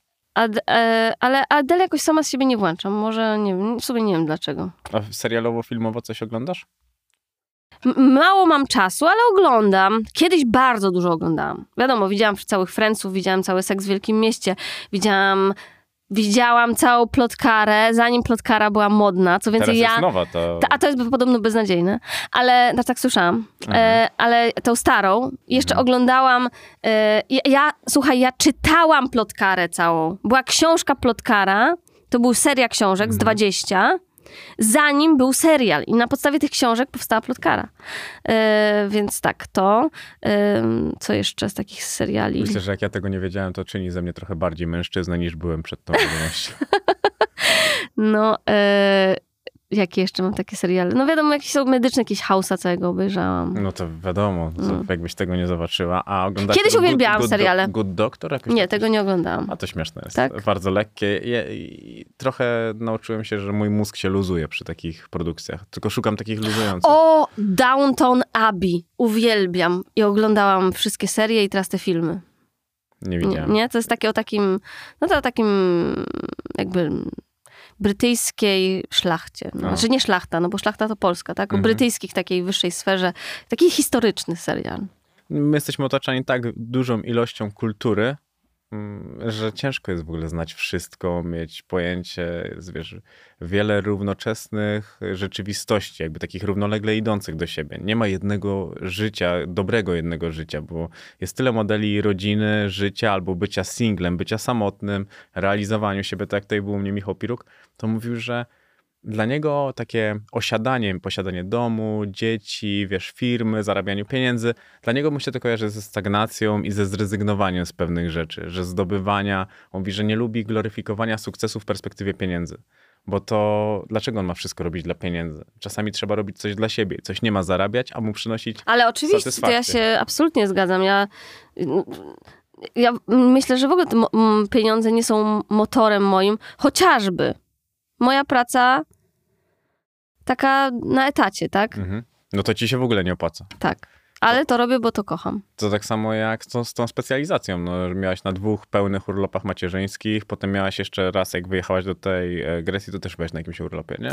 Y, byłam na, no tak, no bo był COVID Tak, i to, tak, tak. to było tak, że jakby u nas byliśmy wręcz zmuszeni, zmuszeni, że ktoś musi z dziećmi zostać, tak? No więc, y, no, Nie, wszystko się zgadza. Ta, ta, ta specjalizacja jest strasznie nie po drodze tobie. Znaczy nie jest potrzebna. To, to, to też o to mi chodziło. Tak e, stricte. Znaczy właśnie, po- powiem ci tak, teoretycznie, żeby zarabiać i żeby, i wiesz, funkcjonować i tak dalej, nie jest mi no dobra, ale potrzebna. to jest 5% twoich zarobków. ale to nie, no właśnie chciałam powiedzieć, nie, nie, nie, no ale, ale, y, mm, ale jest mi potrzebna dlatego, że ja bardzo, bardzo, bardzo kocham swoją pracę Mhm. i jest jak gdyby takim kolejnym etapem w mojej pracy po prostu. Rozumiesz, że to jest Mhm. takie ukoronowanie tego, co zrobiłam dotychczas. Ja naprawdę po prostu bardzo lubię pracować z kobietami, być lekarzem kobiet i to jest, tu, tu nie ma żadnej ściemy. No to jest, ja, ja, ja mogę to robić za darmo. Znaczy w sensie ja to, Ty to robisz za darmo. no, znaczy ja to... Ja wiem, że ty, ty, nie możesz tego powiedzieć, bo to źle brzmi, no, No. ale w perspektywie pieniędzy, które robisz na swojej firmie, a do tego, co dostajesz jako, jako rezydent jesteś, tak? To jest Tak, tak, no. traktowane. No. to rezydent jest najniższa krajowa, coś na tym zasadzie, nie? Tam niewiele więcej chyba. Mm. No ja mam jeszcze jakąś tam starą umowę rezydencką, to są jakieś takie w ogóle, no, znaczy, słuchaj, no, y, Nie możesz ja- oceniać siebie w oczach każdego. Moim zdaniem to jest y, błąd poznawczy tego. nawet dam ci inny przykład. Y, ja nie prosiłam o podwyżkę w przychodni, w której pracuję, nigdy. Gdzie wiele moich znajomych już kilkakrotnie o to prosiło, tak? Bo ja robię coś po prostu dlatego, że lubię to robić, a nie... No ale też masz komfort. Tak, to prawda, to prawda, no to jest... Tylko, że pracowałaś na ten komfort. No, znaczy tak, dokładnie, no to nie jest tak, że ktoś mi to dał. Y, I ja wiem też, jak bardzo, bardzo ciężka to jest praca, ale jak bardzo też taka, no, dająca ogromną satysfakcję. A co sądzisz o, ogólnie o reklamach e, leków? Bo ja ostatnio kupowałem kwiaty, to z taką panią rozmawiałem, mówi, że to naciąganie starszych ludzi. Ale to jest masakra. Znaczy ja jestem w ogóle strasznie przeciwna i uważam, że wiele reklam... O, to też kiedyś miałam teorię, że, że mam hejterów y, za to, że mówiłam źle o właśnie różnych reklamach, bo był taki czas, że mówiłam, że to mnie, dla mnie to było oburzające, wiesz, bo jeżeli na przykład starsza mm, w kolejce stoję w aptece i starsza pani mm, mówi, do, że poprosi ten i ten lek na tam upławy, bo usłyszała, że to jest na upławy, a ja wiem o tym, że szansa, że ta babcia e, ma infekcję intymną, a szansa, że ona ma nowotwór i dlatego ma wydzielinę, no ja wiem jakie są Mhm. i że ta, ta babcia nie powinna kupić sobie tego leku, który w telewizji usłyszała, że jest na upławy, tylko powinna pójść do ginekologa i mieć zrobioną cytologię, bo możliwe, że ma już zaawansowaną chorobę, to mnie po prostu, wiesz, to jest mamienie ludzi, bo to powoduje, że on, to ona zanim trafi do lekarza minie ileś miesięcy, Mhm. tak? No pewnie tak. I to jest straszne. I bardzo, w bardzo wielu przypadkach tak jest, że e, są to leki działające objawowo, które maskują objawy, a objawy, jak słowo sugeruje, mogą być objawami dużo cięższej choroby, a nie problemem samym w sobie. A ja, ja, zobacz, są takie teorie spiskowe, że lek na raka już mógłby istnieć, tylko że ludziom, ludzie muszą umierać, bo to się nie opłaca i tak dalej. Jakie jest twoje podejście do tego? Ty uważasz, że gdyby był lek na raka, to był był? Nie, znaczy, e, Boże, ja myślę, że na pewno nie ma leku na raka, bo każdy nowotwór jest zupełnie inny i nie ma takiej jakby jednej uniwersalnego leku na raka. Są nowotwory, na które są bardzo skuteczne terapie. Na niektóre białaczki. Wiesz, ja nie jestem onkologiem, więc ja też Znaczy, tutaj nie no chcę wiesz, się... ja ciebie tak E, pytam. ale nie, ja jestem przekonana, że nie ma leku na raka. Tak samo jak są te, te... Chociaż słyszałam taką spiskową teorię, że jest jakaś nietępiąca się żyletka. Znasz tą historię? Mm, Że istnieje na świecie nietępiąca się żyletka, ale że właśnie y, nie, zostawi, została, nie, została, nie została wprowadzona do sprzedaży, bo wtedy wszyscy producenci żyletek już by stracili w ogóle, wiesz, wszystko. Mhm. Tak? To ci, co robią zapałki, jeżeli są zapalniczki, już nie powinni zarabiać pieniędzy. Ale nie, na pewno nie ma jednego leku na raka, który, no, no way. Ciężko sobie to wyobrazić. Ja, No. ja, ja, jako ludzie musielibyśmy być potworami. Też druga sprawa, nie? No bo to, to, to jest przez, prze, przepie, przepiękne by byłoby, gdyby ludzie mogli nie umierać po prostu w takiej formie, nie? Bo też jakoś nie wyobrażam sobie, że miałbym żyć 400 lat. To życie mogłoby mi się jednak kapkę, kapkę znudzić i przeludnienie mogłoby nam mega grozić. A jak patrzyłaś na COVID, jak w ogóle to się zaczynało? Nie no, ja byłam, wiesz, z dziećmi zamknięta w domu. Byłam absolutnie, no, przestraszona tym wszystkim. No, myślę, że większość z nas było przestraszona, jak to wszystko wygląda, ale nie w takim kontekście, że ja się bałam, że ja się zarażę, albo że, mm, tylko bardziej, no, naprawdę ja na początku myślałam, że to jest koniec świata, no. Mhm. W ogóle zobacz, jakie filmy krążyły, że tam No. zwłoki wywożą. A później to nie, no już bardzo szybko się z tym oswoiłam, bo jednak zaczęłam pracować też z pacjentami. Wiesz, teraz ja, ja y, pacjent, pacjentki z COVID mam może jak powiem, że codziennie to przesadzę, ale kilka razy w tygodniu. Mm, A to, co się dzieje w Polsce, jeżeli chodzi o powiedzmy walkę, to jest ok, nie jest ok? Jak ty na to patrzysz? Ja, mm, ja jestem zwolennikiem tego, żeby jak największa ilość osób się szczepiła i niestety w Polsce wyszczepialność jest bardzo niska na tle. Około 50%. No jest niska na tle innych krajów i no jest to problem, no jest to duży problem i to ludzie sobie nie zdają sprawy, że jest to problem nie w tym momencie teraz, kiedy oni są nieszczepieni i chodzą i mówią dumnie, że są nieszczepieni i w ogóle nie wierzą w to. Ten problem się pojawia i ja go widzę w szpitalu, jak przychodzą i chorują. Albo na przykład ja, ja tak strasznie, wiesz, ja znam tyle takich przypadków, które wiem, że jakbym powiedziała, to by trafiły do ludzi. Tylko, że z drugiej strony ja wiem, że to są realne osoby, które być może to słuchają i ja nie powinnam o nich konkretnie opowiadać, nawet jeżeli to jest anonimowe. Tak ja, tak ja mam wewnętrzne poczucie. Rozumiesz, co chodzi? No. Więc y, może powiem tak bardziej ogólnikowo, że jeżeli mamy mamę, która rodzi dziecko i to dziecko rodzi się chore, rodzi się za wcześnie, y, bo było ciężki przebieg na przykład COVID-u, Mhm. albo mamy pacjentkę, która zostawia dziecko, bo umiera na COVID okołoporodowo i osieraca to dziecko. To są realne his- historie. To nie jest tak, że to są, wiesz, ktoś gdzieś słyszał. Tak Mhm. jest.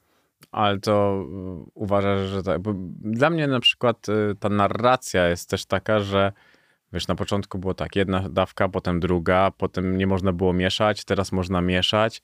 I jest takie pytanie wśród społeczeństwa, czy leci z nami pilot. No, znaczy, wiesz, to jest tak, że to wszystko się wypracowuje na bieżąco, bo to, tu nie ma schematu, który... Ja, nikt ci nie odpowie, ile będzie dawek, ale to też jest tak, że na przykład na grypę szczepisz się co roku i nik, znaczy wiesz, te osoby, które się szczepią, to wiedzą, że co roku trzeba się szczepić na grypę i ich to nie dziwi. I mnie by wcale nie dziwiło, jeżeli się okaże, że tak jak sezonowym szczepieniem, e, szczepienie jest sezonowe szczepienie na grypę, to będzie sezonowe szczepienie e, przeciwko COVID. I... Świat się zmienił. No, ale czy wiesz, czy w tym. No, oczywiście, że te, te schematy są wypracowywane na bieżąco i to nie jest. I to jest zupełnie inna sytuacja niż na przykład w leczeniu nowotworów, chociażby, gdzie mamy schematy wypracowane i jak gdyby dostając diagnozę, już wiadomo, jakie będzie postępowanie z tobą. Tutaj tak naprawdę z dnia na dzień to postępowanie może się zmienić, dlatego że jest, jeszcze nie ma tych schematów. Czy będą? Myślę, że tak. No, ale kiedy to też trudno powiedzieć. Ale szczepienie powinno być obowiązko- obowiązkowe? Bo teraz jest duży, duża dyskusja dookoła tego wszystkiego. Wiesz co, ym...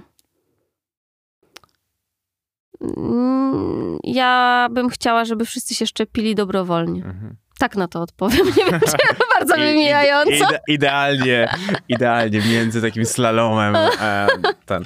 Ale mm, fajne jest to, że chodziłam do podstawówki, gdzie nie było religii, ale sama rodziców prosiłam, żeby, na, żeby chce, że chcę chodzić na religię. Miałam kilka e, indywidualnych katechez co tydzień po lekcjach w naszej parafii. Bardzo dobrze je wspominam. I teraz uwaga. Jestem przeciwna nauce religii w szkole. Jestem za nauką religii przy kościele. No. Dlaczego? No bo to jest coś, co nie powinno mieszać się z... mm, Bo my się nie uczymy religii, to, to druga sprawa. My się uczymy o jednej religii No, i o jednym Bogu. Mm, ojejku, ale mi zadałaś to pytanie, będę teraz... Mm, mm, mm. To, co przeczytałeś, to jest 100% to, co myślę. Mhm. Ciężko jest mi coś do tego dodać. Ja, ym, po pierwsze, uważam, że dziecko powinno w jakiś sposób mieć wybór, czy chce... ym, czy jest po, czy mu potrzebna ta duchowość, czy nie. To jest tak jakby jedna rzecz. E, Druga rzecz jest taka, że uważam, że szkoła jest od, od edukowania takiego świeckiego, a nie ukierunkowanego na jakąś daną religię.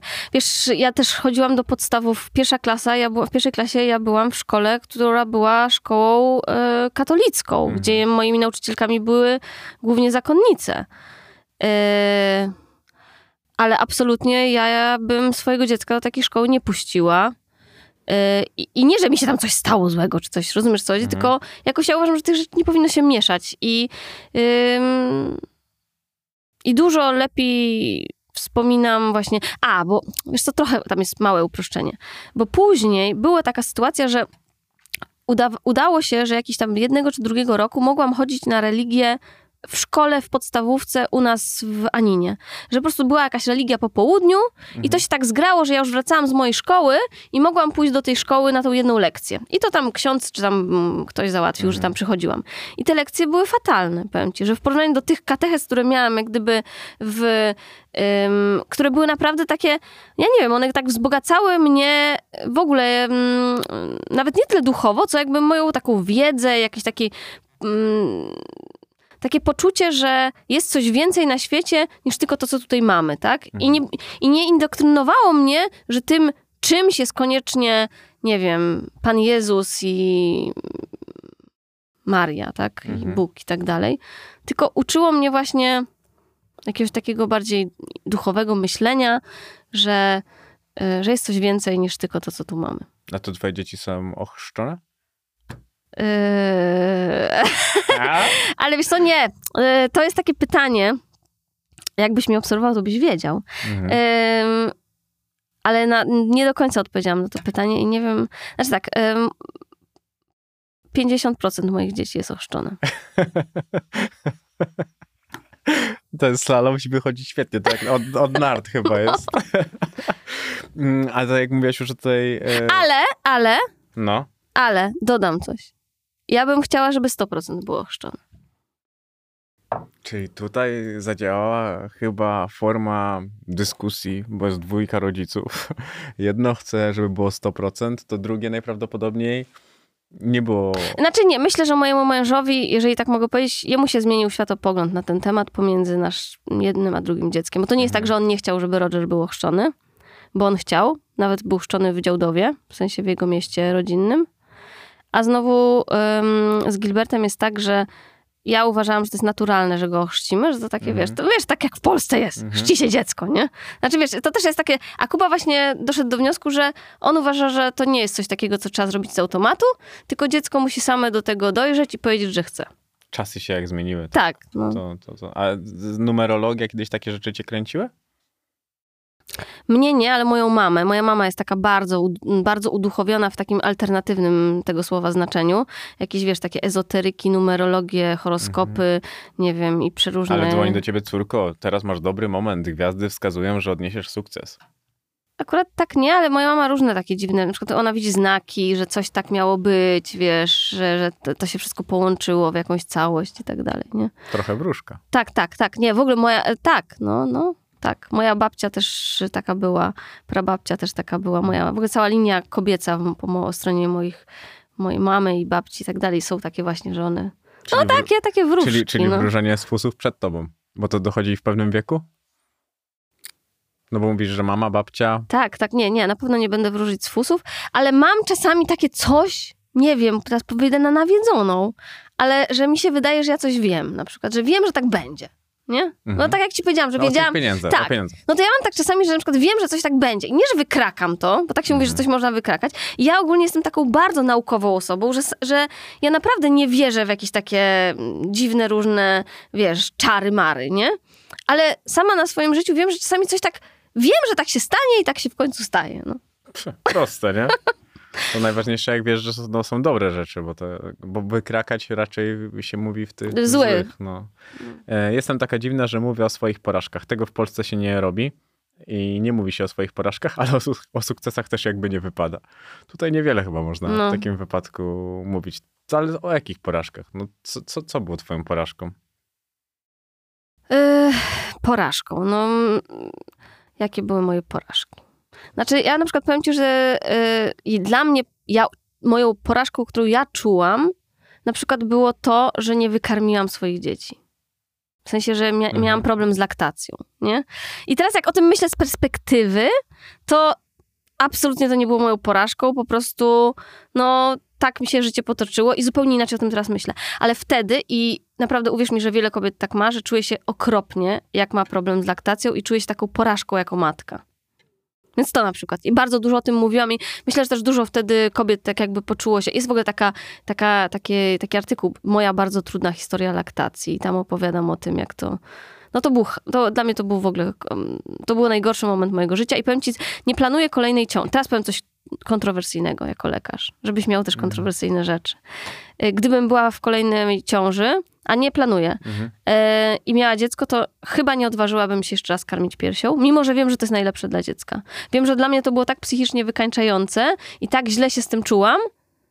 e, I no i tak jakby, no było to porażką po Mhm. prostu, że chyba bym się więcej na to nie odważyła. A jak patrzysz na te ustawy aborcyjne jako ginekolog i na to, to, to No to jest bardzo złe. My mamy po prostu najgorszą możliwą ustawę, jaka może być. I to Ci, jest... co będą chcieli usunąć, to wydaje mi się, że i tak e, to zrobią. Tak. E, No, nie zrobią, tylko niestety zrobią to poza granicami naszego kraju, albo zrobią to w sposób zupełnie nielegalny To i tak. zaszkodzą swojemu zdrowiu, bo niestety takie pacjentki też widuję, które robią to na własną rękę.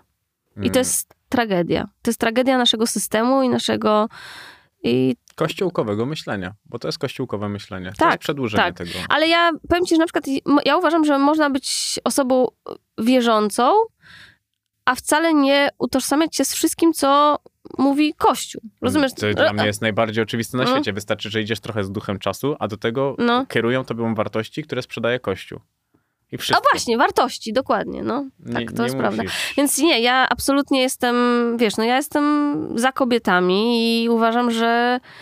Znaczy też, to jest pytanie, to też mi się zmienia, bo jakbyś mnie spytał jeszcze jakiś czas temu, czy, a, a, czy aborcja powinna być legalna w każdym przypadku, Mm. czy tylko w wybranych Ja w przypadkach? każdym przypadku. No i właśnie teraz ci powiem.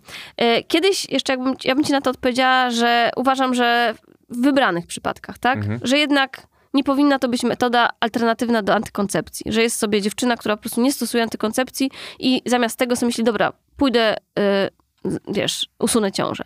I w tym kontekście nie podoba mi się to, ale z drugiej strony już chyba uważam, że to by było lepsze niż to, co mamy teraz. Bo ter, to, co jest teraz, to jest po prostu najgorsze, co może być. I ja mówię wam to z perspektywy osoby, która na co dzień się spotyka z tymi kobietami, które mają ten problem. A poparłaś e, Szymona Hołownię, gadaliśmy o tym e, kupionym hejcie w wyborach. Żałujesz, że poparłaś?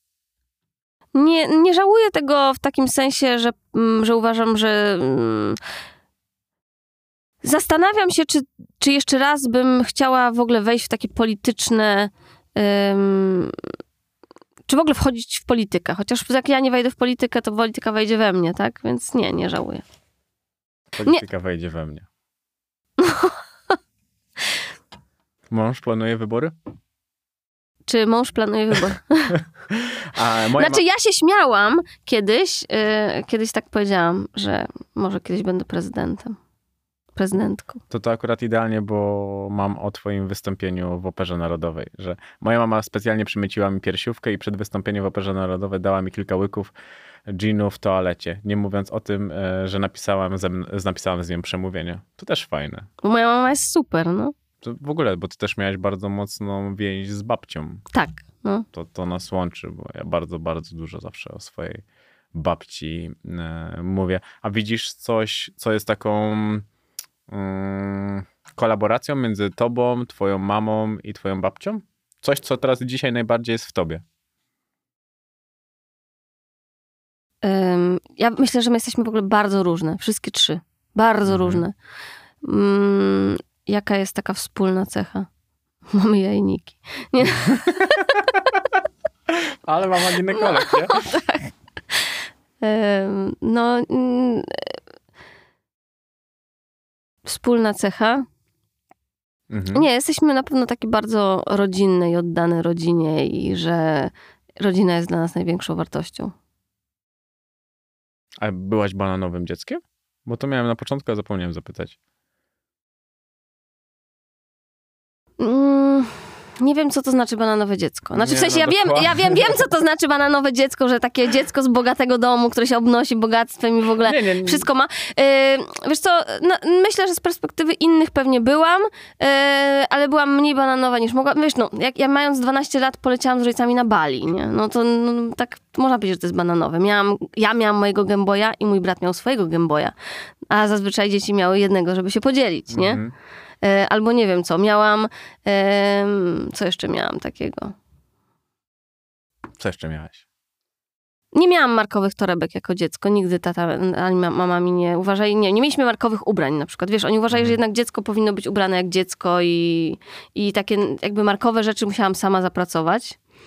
W ogóle moi rodzice tak mnie nauczyli, że na rzeczy trzeba samemu zapracować i jak się wyprowadziłam z domu na, to był czwarty rok, trzeci rok studiów, czy mhm. czwarty, już teraz nie pamiętam, to warunkiem było to, że muszę się sama utrzymać. To nie jest tak, że a, masz tutaj i są ten. Więc y, ja wtedy i dawałam korepetycje i pracowałam właśnie czy w tym salonie.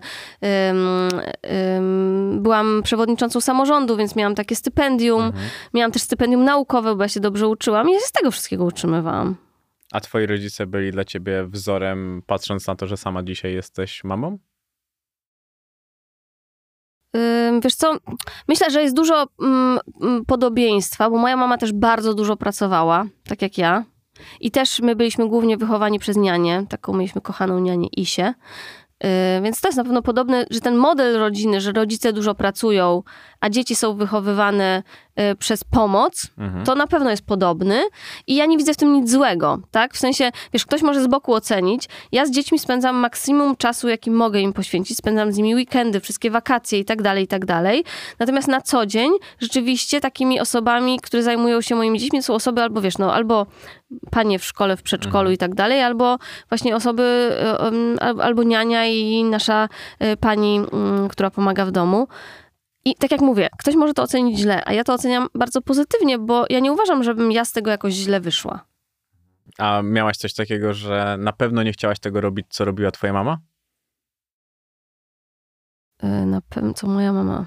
No wiesz, mówi się tak w perspektywie czasu, że no, to cię irytowało, a potem sama to powielałaś już jako, w, jak byłaś w roli mamy. Okej, okay, teraz muszę, muszę coś pomyśleć. To jest dużo czasu. Co mnie irytowało w moim... Tyle rzeczy znaczy, trzeba selektywnie Nie, nie, właśnie nie, nie potrafię tak nic takiego wymyślić za bardzo, szczerze mówiąc. No nie, ale nie ma sensu na siłę no, też. Nie, nie, nie potrafię tak nic ci powiedzieć, żeby to było takie jakieś... Na pewno były jakieś rzeczy... No na przykład, nie wiem, no ja, ja byłam, byłam w internacie, nie? Moje mhm. rodzice mnie wysłali do internatu. Ja bym na przykład nie wysłała swojego dziecka do internatu. Dlaczego?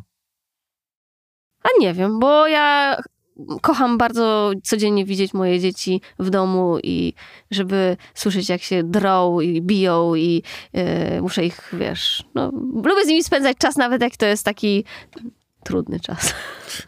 Naj, naj, najtrudniejszy chyba jeszcze, jeszcze przed tobą. Tak. Nie, nie. Znaczy wiesz, w sensie, że ym, lubię spędzać z dziećmi czas i chyba dlatego nie, nie, nie chciałabym, nie potrafiłabym, bardzo byłoby mi tęskno, byłoby mi po prostu mi źle. Nie wiem, czy im byłoby źle, bo im może tam byłoby super, nie wiem. Mhm. Ale mi by było z tym źle. Egoistycznie. Egoistycznie. No. A jesteś egoistką? Nie, chyba, ale każdy trochę na pewno jest egoistą. Myślę, że to jest normalna cecha, że każdy jakieś tam ma rzeczy, które robi dla siebie, tak? Myślę, że bardzo no, dużo. E, ale czy taką typową jestem egoistką, że ja, ja, ja. No nie, no, no też nie to... rozmawiajmy o skrajnych przypadkach, bo mi się wydaje, Dobra, no to nie, no to ja myślę, ja myślę, że jestem taką samą egoistką jak każdy. Dobry slalom, Idealnie, co? co powiem ci, widzę po tym szlaku, jak czarny szlak i wiesz, tu tak, tak bokiem tu mhm. wjeżdżasz, a ten Kuba patrzy i dostrzega, mówi, co to za dziewczyna i mm, to, to mhm. jest, ten, e, jest ten e, szlak. Co ja tu jeszcze miałem? A, do tym Wośpie. Nawet wczoraj e, napisała do mnie taka dziewczyna, która tam pracuje w Tajdalu i napisała, co się, kto zrobił tej dziewczynie akuku w perspektywie tego, że była noszona na rękach za Wośp, a nagle teraz e, jest taki hejt ty no. widzisz takie nagłe odwrócenie? Oczywiście, internet zapomina po pięciu minutach. Ja myślę, że już teraz ludzie za bardzo nie pamiętają o tym egzaminie, a za chwilę będzie WOŚP, to będą pamiętać o WOŚPie i po dwóch tygodniach nie pamiętają o WOŚPie i tak to jest. A jesteś uzależniona mm, od tego, żeby jeden sukces był większy już ten od drugiego? Wiesz co, nie jestem uzależniona, ale na pewno jest w pewnym sensie taka presja. Chociaż ja, ja uważam, że to nie jest do końca realne, żeby pobić zeszłoroczny rekord. Ja mówię tak naprawdę szczerze, mhm. bo w zeszłym roku zebraliśmy ponad 5 milionów na WOŚP. W sensie nasza akcja zmotywowała ludzi, żeby wpłacili na naszą fundację 5 milionów, które w 100% zostały przekazane na WOŚP, tak? Ym, to y, rok wcześniej to było 3 miliony 200. Mhm. Ym, wcześniej jeszcze było chyba milion, tak? Mam 3,5, szczerze powiedziawszy. 3,5, nie masz. No to jeszcze poprzedni był milion, a rok jeszcze wcześniej było 32 tysiące. Zaczę- Od tego się zaczęło. To była moja, moja Mhm. To pierwsza. trochę przeskoku. była moja pierwsza zbiórka na WOŚP i byłam wtedy taka dumna, o Boże, 32 tysiące na WOŚP. A potem nagle osiągasz 4 lata później 5 milionów. No i tak, wiesz, no... To jest tak, że mamy mega pomysł, na jak, te, jak w tym roku będziemy wspierać WOŚP. Mega. Po prostu będzie coś wyjątkowego. Ale no, nie chcę też na siebie takiej presji składać, kłaść, że to ma być więcej niż 5 milionów. Ja myślę, że nawet jak to będzie milion, to jest to milion, który damy na WOŚP. Dlatego będzie pół miliona, to będzie coś, co Dokładnie, dajesz. no to, jak będzie to, pół miliona, nawet jak będzie 32 tysiące, to jest to Dokładnie. 32 tysiące. to nie ma co popadać w taką napierdalankę się z samego ze sobą, bo to nie jest zależne od ciebie. No. Znaczy, jest zależne ode mnie. Właśnie Dlaczego? w tym sensie to jest najgorsze, bo ty, wie- powiem ci tak, ludzi, w takich zbiórkach ludzi trzeba nakręcać. I to jest tak samo, jak na przykład często ktoś mnie prosi, żeby udostępnić... To w ogóle nie daje. To nic daje, nie, nie daje. Więc jak ja bym powiedziała, słuchajcie, mamy zbiórkę na WOŚP, wpłaćcie tutaj, my wpłacimy, to to nic nie da. A jak ja będę ludzi, będę przez trzy dni nadawać, co chwilę mówić, słuchajcie, mamy już tyle, to, zróbmy jeszcze to, tamto, siamto, o wam to, to jest praca. Rozumiesz coś? I tak samo jest ze zbiórkami charytatywnymi na, nie wiem, czy na chore osoby, czy teraz jak mieliśmy tą, tę, tą dobrą akcję, tak, Te, co zro, y, zrobiliśmy, to... No i tam też ogólnie wkładali kij w mrowisko. Nie? No bo nie rozumieli tego, że można zrobić. Po prostu, to była akcja, która po prostu pod każdym względem była no dobra, bo była, no była niesamowita, tak? No bo ze 100 tysięcy zrobiliśmy milion trzysta. Mhm. No wiem, wiem, bo No. je, moja siostra do mnie, jeszcze wtedy nie No. byliśmy mówieni na, na podcast, do mnie mówi, weź wymyśl mi jakiś koment, kreatywny komentarz, e, wrzucę tam i zaczęła mi tłumaczyć e, o tym. No i jeszcze wiesz, o tym blurowaniu e, gównobóż e, i coś takiego było, że ona mówi, wiesz co, ja mam to w sumie w dupie, bo jeżeli ona pomaga, to co mnie to interesuje, co Znaczy to wiesz, dalej? to w ogóle ta akcja, ta dobra akcja, to przygotowanie jej trwało z dwa tygodnie i to miała być akcja, którą chciałam zrobić za zdany egzamin. Mhm, to wyszło. Akcja wyszła, nie zdałam egzaminu, no i to właśnie było tak, że ja potem miałam jej nie robić, no bo nie zdałam, nie? A potem sobie myślę, kurde, czemu ja mam jakby karać te wszystkie osoby, które już pracowały nad tym, y, żeby to przygotować? Czemu ja mam karać moich obserwatorów, dla których mogę zrobić taką fajną rzecz? Czemu ja mam karać, wiesz, te zbiórki charytatywne, na które zbieramy? Czemu ja mam karać te wszystkie osoby, które uzyskują pomoc w naszej fundacji, tylko dlatego, że nie zdałam egzaminu? I zrobiłam dobrą akcję, mimo że nie zdałam. Wiesz, no, trzeba szukać wszędzie e, rozwiązań, które... Ale ja długo nad tym myślałam. Uwierz mi, że to było tak, że ja cały czas ja myślałam, jak to zrobić, żeby tam mucha nie siadała na tym. Że po prostu pod każdym względem ta akcja ma sens. I się udało. No nie da, no, ale wiesz, nie da się znaleźć człowieka, nie da się zrobić tak, że angażuje się tak dużo ludzi i że każdemu się spodoba. Znaczy wiadomo, że później jak ktoś nie wygrał, no to mu się nie spodoba, no bo nie wygrał. No gdyby wygrał, to by mu się, yy, wiesz, no spodobało. Yy, ale co miałam powiedzieć z tym Wośpem? No więc mamy mega, mega pomysł, ale no, no właśnie nie chcę mieć tej presji, że będzie więcej, ale wiem też, że mam na to wpływ. Jeżeli ja będę miała na przykład, że jest, mam wpływ na to, czy jednak zmotywuję kogoś, żeby wpłacił, czy nie. A jesteś ambitna? O Jezu, strasznie. A co jest teraz twoją ambicją? Kiedy nie motywują tobą pieniądze, E, co jest moją ambicją? Mhm. No na pewno, no, żeby już skończyć tą specjalizację. no to domyślam się. No, to jest jedna moja ambicja. E, druga ambicja. em, mamy bardzo fajny, nowy pomysł na naszą firmę na przyszły rok. Taki, że myślę, że nasza firma rzeczywiście będzie mogła wyjść na rynki zagraniczne, bo mm, staniemy się, no. Wiesz, nie, nie mogę za dużo zdradzać, No ale, ale jakby robimy taki duży re- rebranding i, ym, i myślę, że będziemy w stanie właśnie i wyjść na zagraniczne rynki i naprawdę też konkurować z... Bo wiesz, my z firmy, która nazywa się Roger Publishing, czyli wydawnictwo, Mhm. staliśmy się firmą, która głównie produkuje konfekcje, ubrania i tak dalej, nie? Y, I na to jest główne jakby w większości, my teraz zarabiamy głównie o, na dresach, na Mhm. dresie, który mam na sobie, tak? Też Mhm. tobie taki przyniosłam zresztą. Ale ten, ale, ym, ale do czego zmierzam? Żeby konkurować z innymi markami, to my musimy stać się marką, która no, ma solidne fun- fundamenty. I, znaczy ma solidne fundamenty teraz, ale żeby stała się rzeczywiście, no tak jakby, bo teraz ktoś wchodzi i mówi, ale o co chodzi? Jakiś Roger Publishing sprzedaje wibratory.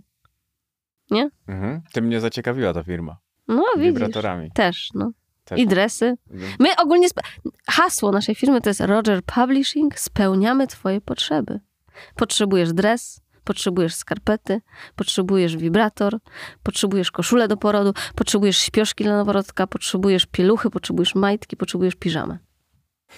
No to, to jest e, pewnego rodzaju sukces, ale mogę ci powiedzieć, że jak zobaczyłem sam tyle produktów, to też myślałem, że to jest, wiesz, na zasadzie, że sprowadzamy masowo. Nie, nie. I, no ale to też e, mówi dużo o, o tym, jak, jakie plotki są dookoła tego wszystkiego, nie? Żeby to zaszkodzić. A to wszystko jest tanie, drogie? Jak to wygląda w ogóle cenowo? E, nie, nasza firma jest tania. Nasza firma i to jest cały sukces tej firmy. Bo na przykład, e, ile uważasz, że kosztuje dres? No mam na sobie dres. Ile kosztuje dres? 150 zł. No, akurat ten kosztuje 139. No, to Ale- blisko. Z wysyłką 150. E, no ale góra i dół za dres? No bardzo ładnie. Dobra cena, nie? Bardzo dobra cena. No. Szczególnie jeżeli mówisz, że to robicie Szyte w Polsce. No właśnie. Szyte w Polsce. Dzianina nawet jest dziana w Polsce. W sensie nie jest tak, że materiał przywozimy, wiesz Mhm. skądś, tylko to jest dzianina dziana w Łodzi. Też e, jeszcze wracając do twoich zajęć, to ty uczyłaś i angielskiego, i niemieckiego i pamiętam, No. że dostawałaś 35 zł za godzinę. Tak, tak, tak, tak, tak. A ile teraz kosztują korepetycje? Nie mam pojęcia. Ale będę chodził na angielski. Ja wyglądam na chuligana i byłem chuliganem i w szkole się nie uczyłem i chciałbym, e, chciałbym naprawić swoje błędy młodości. Ty masz jakieś błędy młodości? Mam. Jakie? Dużo. Mam dwa tatuaże. Jeden zrobiłam jak miałam 16 lat, drugi jak miałam 17. I dlaczego to jest błąd? Bo ja sam sobie nie uważam, że tatuaż jest zły. Cały Mhm. jesteś w tatuażach, żebyś nie ten. Tylko to były takie, ja na przykład chciałam zaimponować koleżankom. Wiesz co, to nie było tak, że ja potrzebowałam tego, tylko mi się wydawało, że ja będę super cool, jak będę miała tego motylka na brzuchu. Masz A- motylka na brzuchu? No. No, więc y, to jedna rzecz. Ym, No, No i co? No mówiłaś, że wielu. No to nie możesz powiedzieć jednej. No bo buntowałaś się na pewno. tak, nie, ja w ogóle, mm, tak, ja, ja byłam No. bo, trudną nastolatką, bardzo. No. Łatwo mi sobie to wyobrazić. Ale nie, naprawdę byłam bardzo okropna. No nie wiem, no, Ale co, znęcałaś się nad mniejszymi? No nie wiem. nie, nie, no, nie wiem. No, jak Używałam jakichś substancji nielegalnych na przykład. O, Jako w lek. ogóle w tamtych czasach e, bardzo popularne było wąchanie kleju. Nie wiem. A nie, no, nie, no, nie takich. No muszę znaleźć. Jak Nie. rzucę grubo, to powiesz mi, co tam to było lekkiego. Nie, w ogóle mm, u- ubierałam się jak lafirynda. Zacznijmy od tego. Nosiłam, wiesz, na przykład takie turbo krótkie sukienki, jakieś takie e, sukienki, spódniczki, ale z jakiejś imitacji skóry, albo w jakiegoś węża, albo jakieś inne. Ogólnie mi się wydawało, że jak będę taka, taka, nie wiem, seksowna i taka ten, to będę cool. A teraz na przykład jak myślę o tym, to w ogóle nie rozumiem, co w mojej głowie się działo, gdzie byłam, ja byłam bardzo mądra, się bardzo dobrze uczyłam. Ja byłam takim zaprzeczeniem. Bo z jednej strony byłam taką dziewczyną, wiesz, tą taką tą pustą lalą, ubierałam się jak Mhm. taka pusta lala, cy- wiesz. A z drugiej strony miałam, wiesz, szóstki z fizyki i w ogóle byłam, i w ogóle ja pamiętam, że koledzy w klasie, oni tego nie rozumieli. Jak może być tutaj, w ogóle to było takie totalne zaprzeczenie. Ym, no co jeszcze? No, no nie wiem, no spotykałam się z jakimiś chłopakami nieodpowiednimi, no. No co to znaczy nieodpowiedni chłopak dla ciebie? E, taki, który mnie źle traktował. Bo ty chyba szukałaś czegoś innego niż miałaś w domu. No może tak, no ja, na, ja się spotykałam z jakimiś takimi, wiesz, chłopakami z bloku, no. Mm, dobre chłopaki. No na przykład. Wyglą- poda- wyglądali podobnie do mnie. A- Albo wiesz, mieli, albo na przykład się spotykałam z kimś, bo miał dobry samochód. No, gdzie Naprawdę? Tak, no Czyli byłaś trochę blacharą. tak, ja byłam, mówię ci, ja byłam pusta, no, to było straszne. Pusta. Co kurwa, co, co, ale co, co się nagle stało, że ty się zmieniłaś? Nie wiem, to był taki etap przejściowy. Mi się w ogóle wydaje, że człowiek się uczy w życiu, Mhm. tak? No tak, tak, tak. No, No i- wiesz, i- od bycia blacharą jednak jest to kawałek drogi do No. tego, co dzisiaj ma. Nie, no, znaczy, nie wiem. Naprawdę, myślę, że. A ja w ogóle tego nie żałuję wszystkiego. Ja tak naprawdę uważam, że to było coś, co ukształtowało mnie i się cieszę. Bo na przykład teraz ja potrafię, jak ktoś mi opowiada o różnych rzeczach, to ja potrafię to zrozumieć, bo sama kiedyś to jakby też tak miałam, tak? Mhm. Ale masz większą tolerancję na głupotę przez to? Y, Mam większe zrozumienie, nie tolerancję. Zrozumienie. Tolerancja to złe słowo. E, a wiesz, co jeszcze mi przepadło? Mm, I to też z takich rzeczy, które, które odczytałem, że rodzice twojego męża cię nie lubią. To prawda? Pomidor. A dlaczego? Przecież y, byłaś blacharą, to powinni cię lubić. Teraz to będzie mój ulubiony w ogóle, że byłaś blacharą. To, No. to jest tak rzadko znane słowo. Naprawdę się nie lubią? Y, nie, nie, myślę, mówią, że mnie lubią. Wiesz co, nie, e, dobra, już e, te, No. temat trudny, temat bardzo trudny. Myślę, że to jest najtrudniejszy temat w moim e, życiu. No, ym, no nie dogadujemy się. No no nie, nie, nie, mus, nie musimy tego e, ruszać, tylko zastanawiało mnie, czy to jest... I ja e, trochę nie rozumiem dlaczego, bo ja się bardzo, bardzo starałam. Bardzo. I w pewnym momencie stwierdziłam, że te moje starania są w ogóle bez sensu. Mhm. Yy, I w pewnym momencie po prostu powiedziałam mojemu mężowi, że ja tak dalej nie mogę. I on to zaakceptował. A w drugą stronę jest okej. On uwielbia moich ryców, tak. Moi rycy uwielbiają Kubę i w ogóle, na przykład, nie wiem, no mój brat to jest Kuby najlepszy przyjaciel. Są szwagrami najlepszymi. Czyli razem nie będą grandzić, bo jednak brat to trochę, trochę musi go e, trzymać. A tata i twój mąż są podobni? Bo często się też mówi, nie? że kobieta szuka podobieństwa do tego, co miała w domu u taty. Nie. Znaczy, nie, nie, nie, w ogóle nie. Lubią się. Yy, na pewno mają do siebie duży szacunek oboje, ale nie uważam. Nie, w, nie, w ogóle są inni. Tak szczerze, jak o tym pomyślę.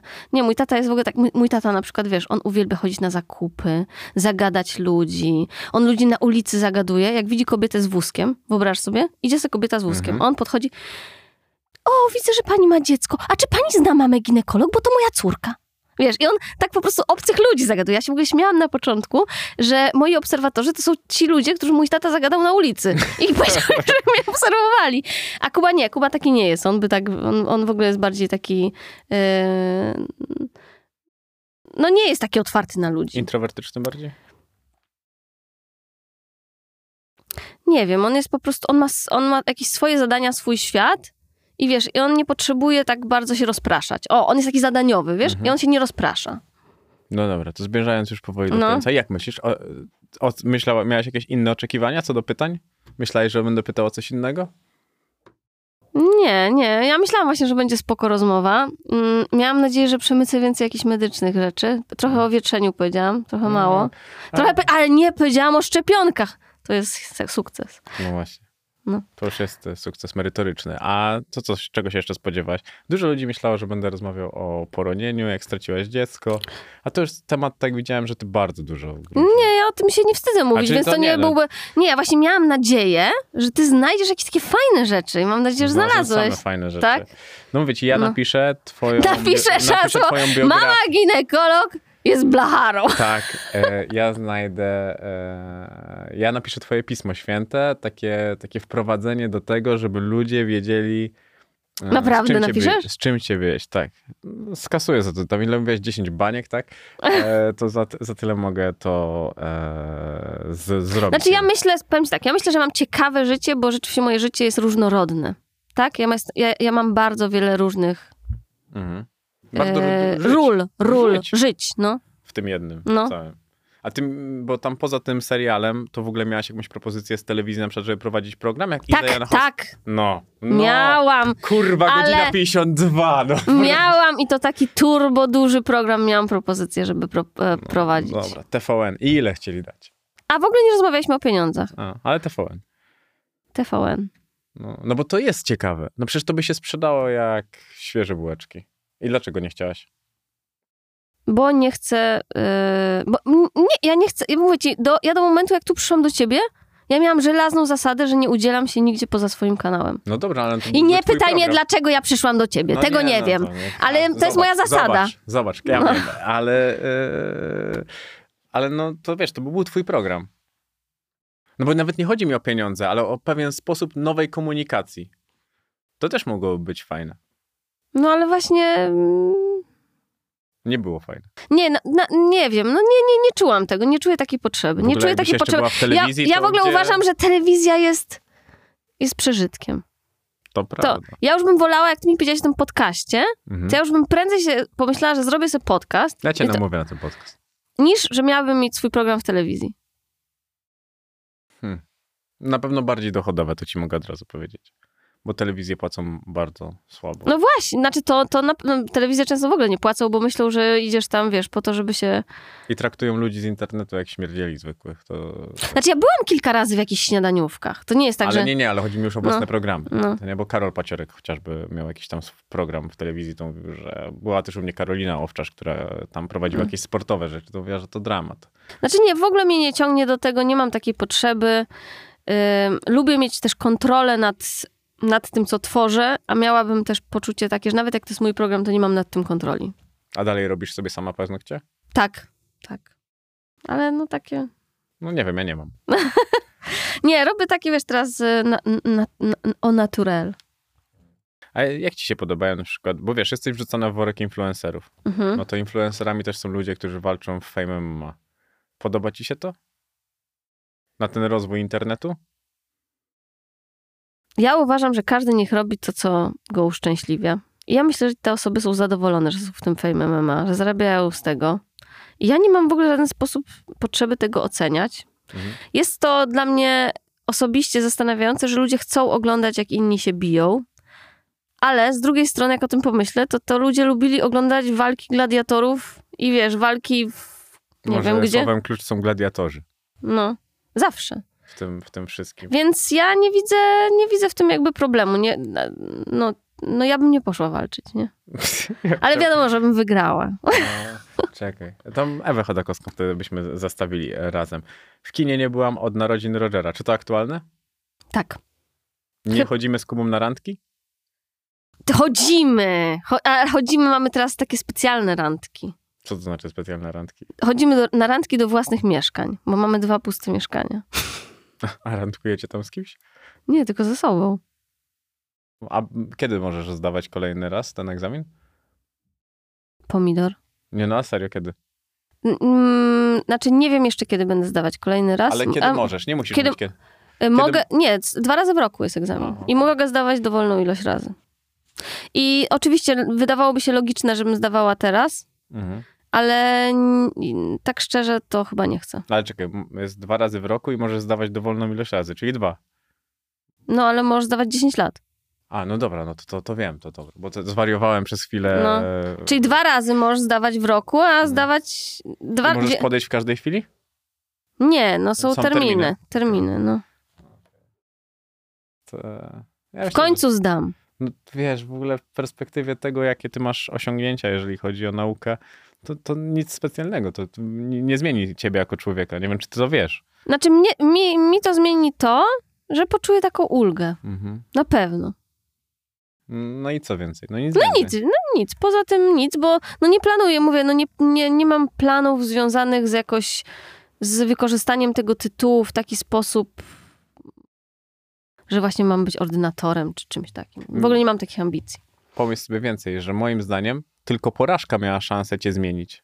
Gdybyś zdała, to niczego, ni- nic by Ale wiesz, że też tak sobie myślę, że to na pewno miało jakiś cel. Że yy... wiesz, też pokazałam ludziom, że osoba, która osiąga sukces w ich oczach, może właśnie mieć dużą porażkę i że nie, życie nie jest takie usłane różami. I to, że nie trzeba się wstydzić swoich porażek. Ja naprawdę uważam, że wielu osobom mogło to pomóc, że ja to powiedziałam. Moim zdaniem nawet tobie to mogło pomóc. Znaczy, mi też, Bo ale... in, wyciągasz zupełnie inne wnioski. Jakbyś, jakbyś zdała, to byś zdała. A jak e, nie zdałaś, to miałaś też przekrój różnych emocji, zupełnie różnych emocji, które mogły być dale, daleko już od ciebie, bo ogóle, rozmawialiśmy e, o tych porażkach, których nie było za wiele. Znaczy wiesz, to pewnie było więcej, tylko ja też jestem No taką takich. osobą, y, ja jestem taką osobą, która mówi ci, nie jest pamiętliwa ani do innych, ani do siebie samej. Mhm. Łatwiej sobie wybaczyć wtedy. No więc y, no to mówię, no są takie porażki, no miałam jakieś wypadki samochodowe na przykład, albo coś w tym stylu. Ale wypadki czy Stłuczki, No stłuczki, właśnie, no. to jest stu- wiem, wiem, rzecz. no. Wypadek to mi się kojarzy, wiesz, już tak e, poważniej. A robisz coś takiego? Jeździsz motocyklem? Nie.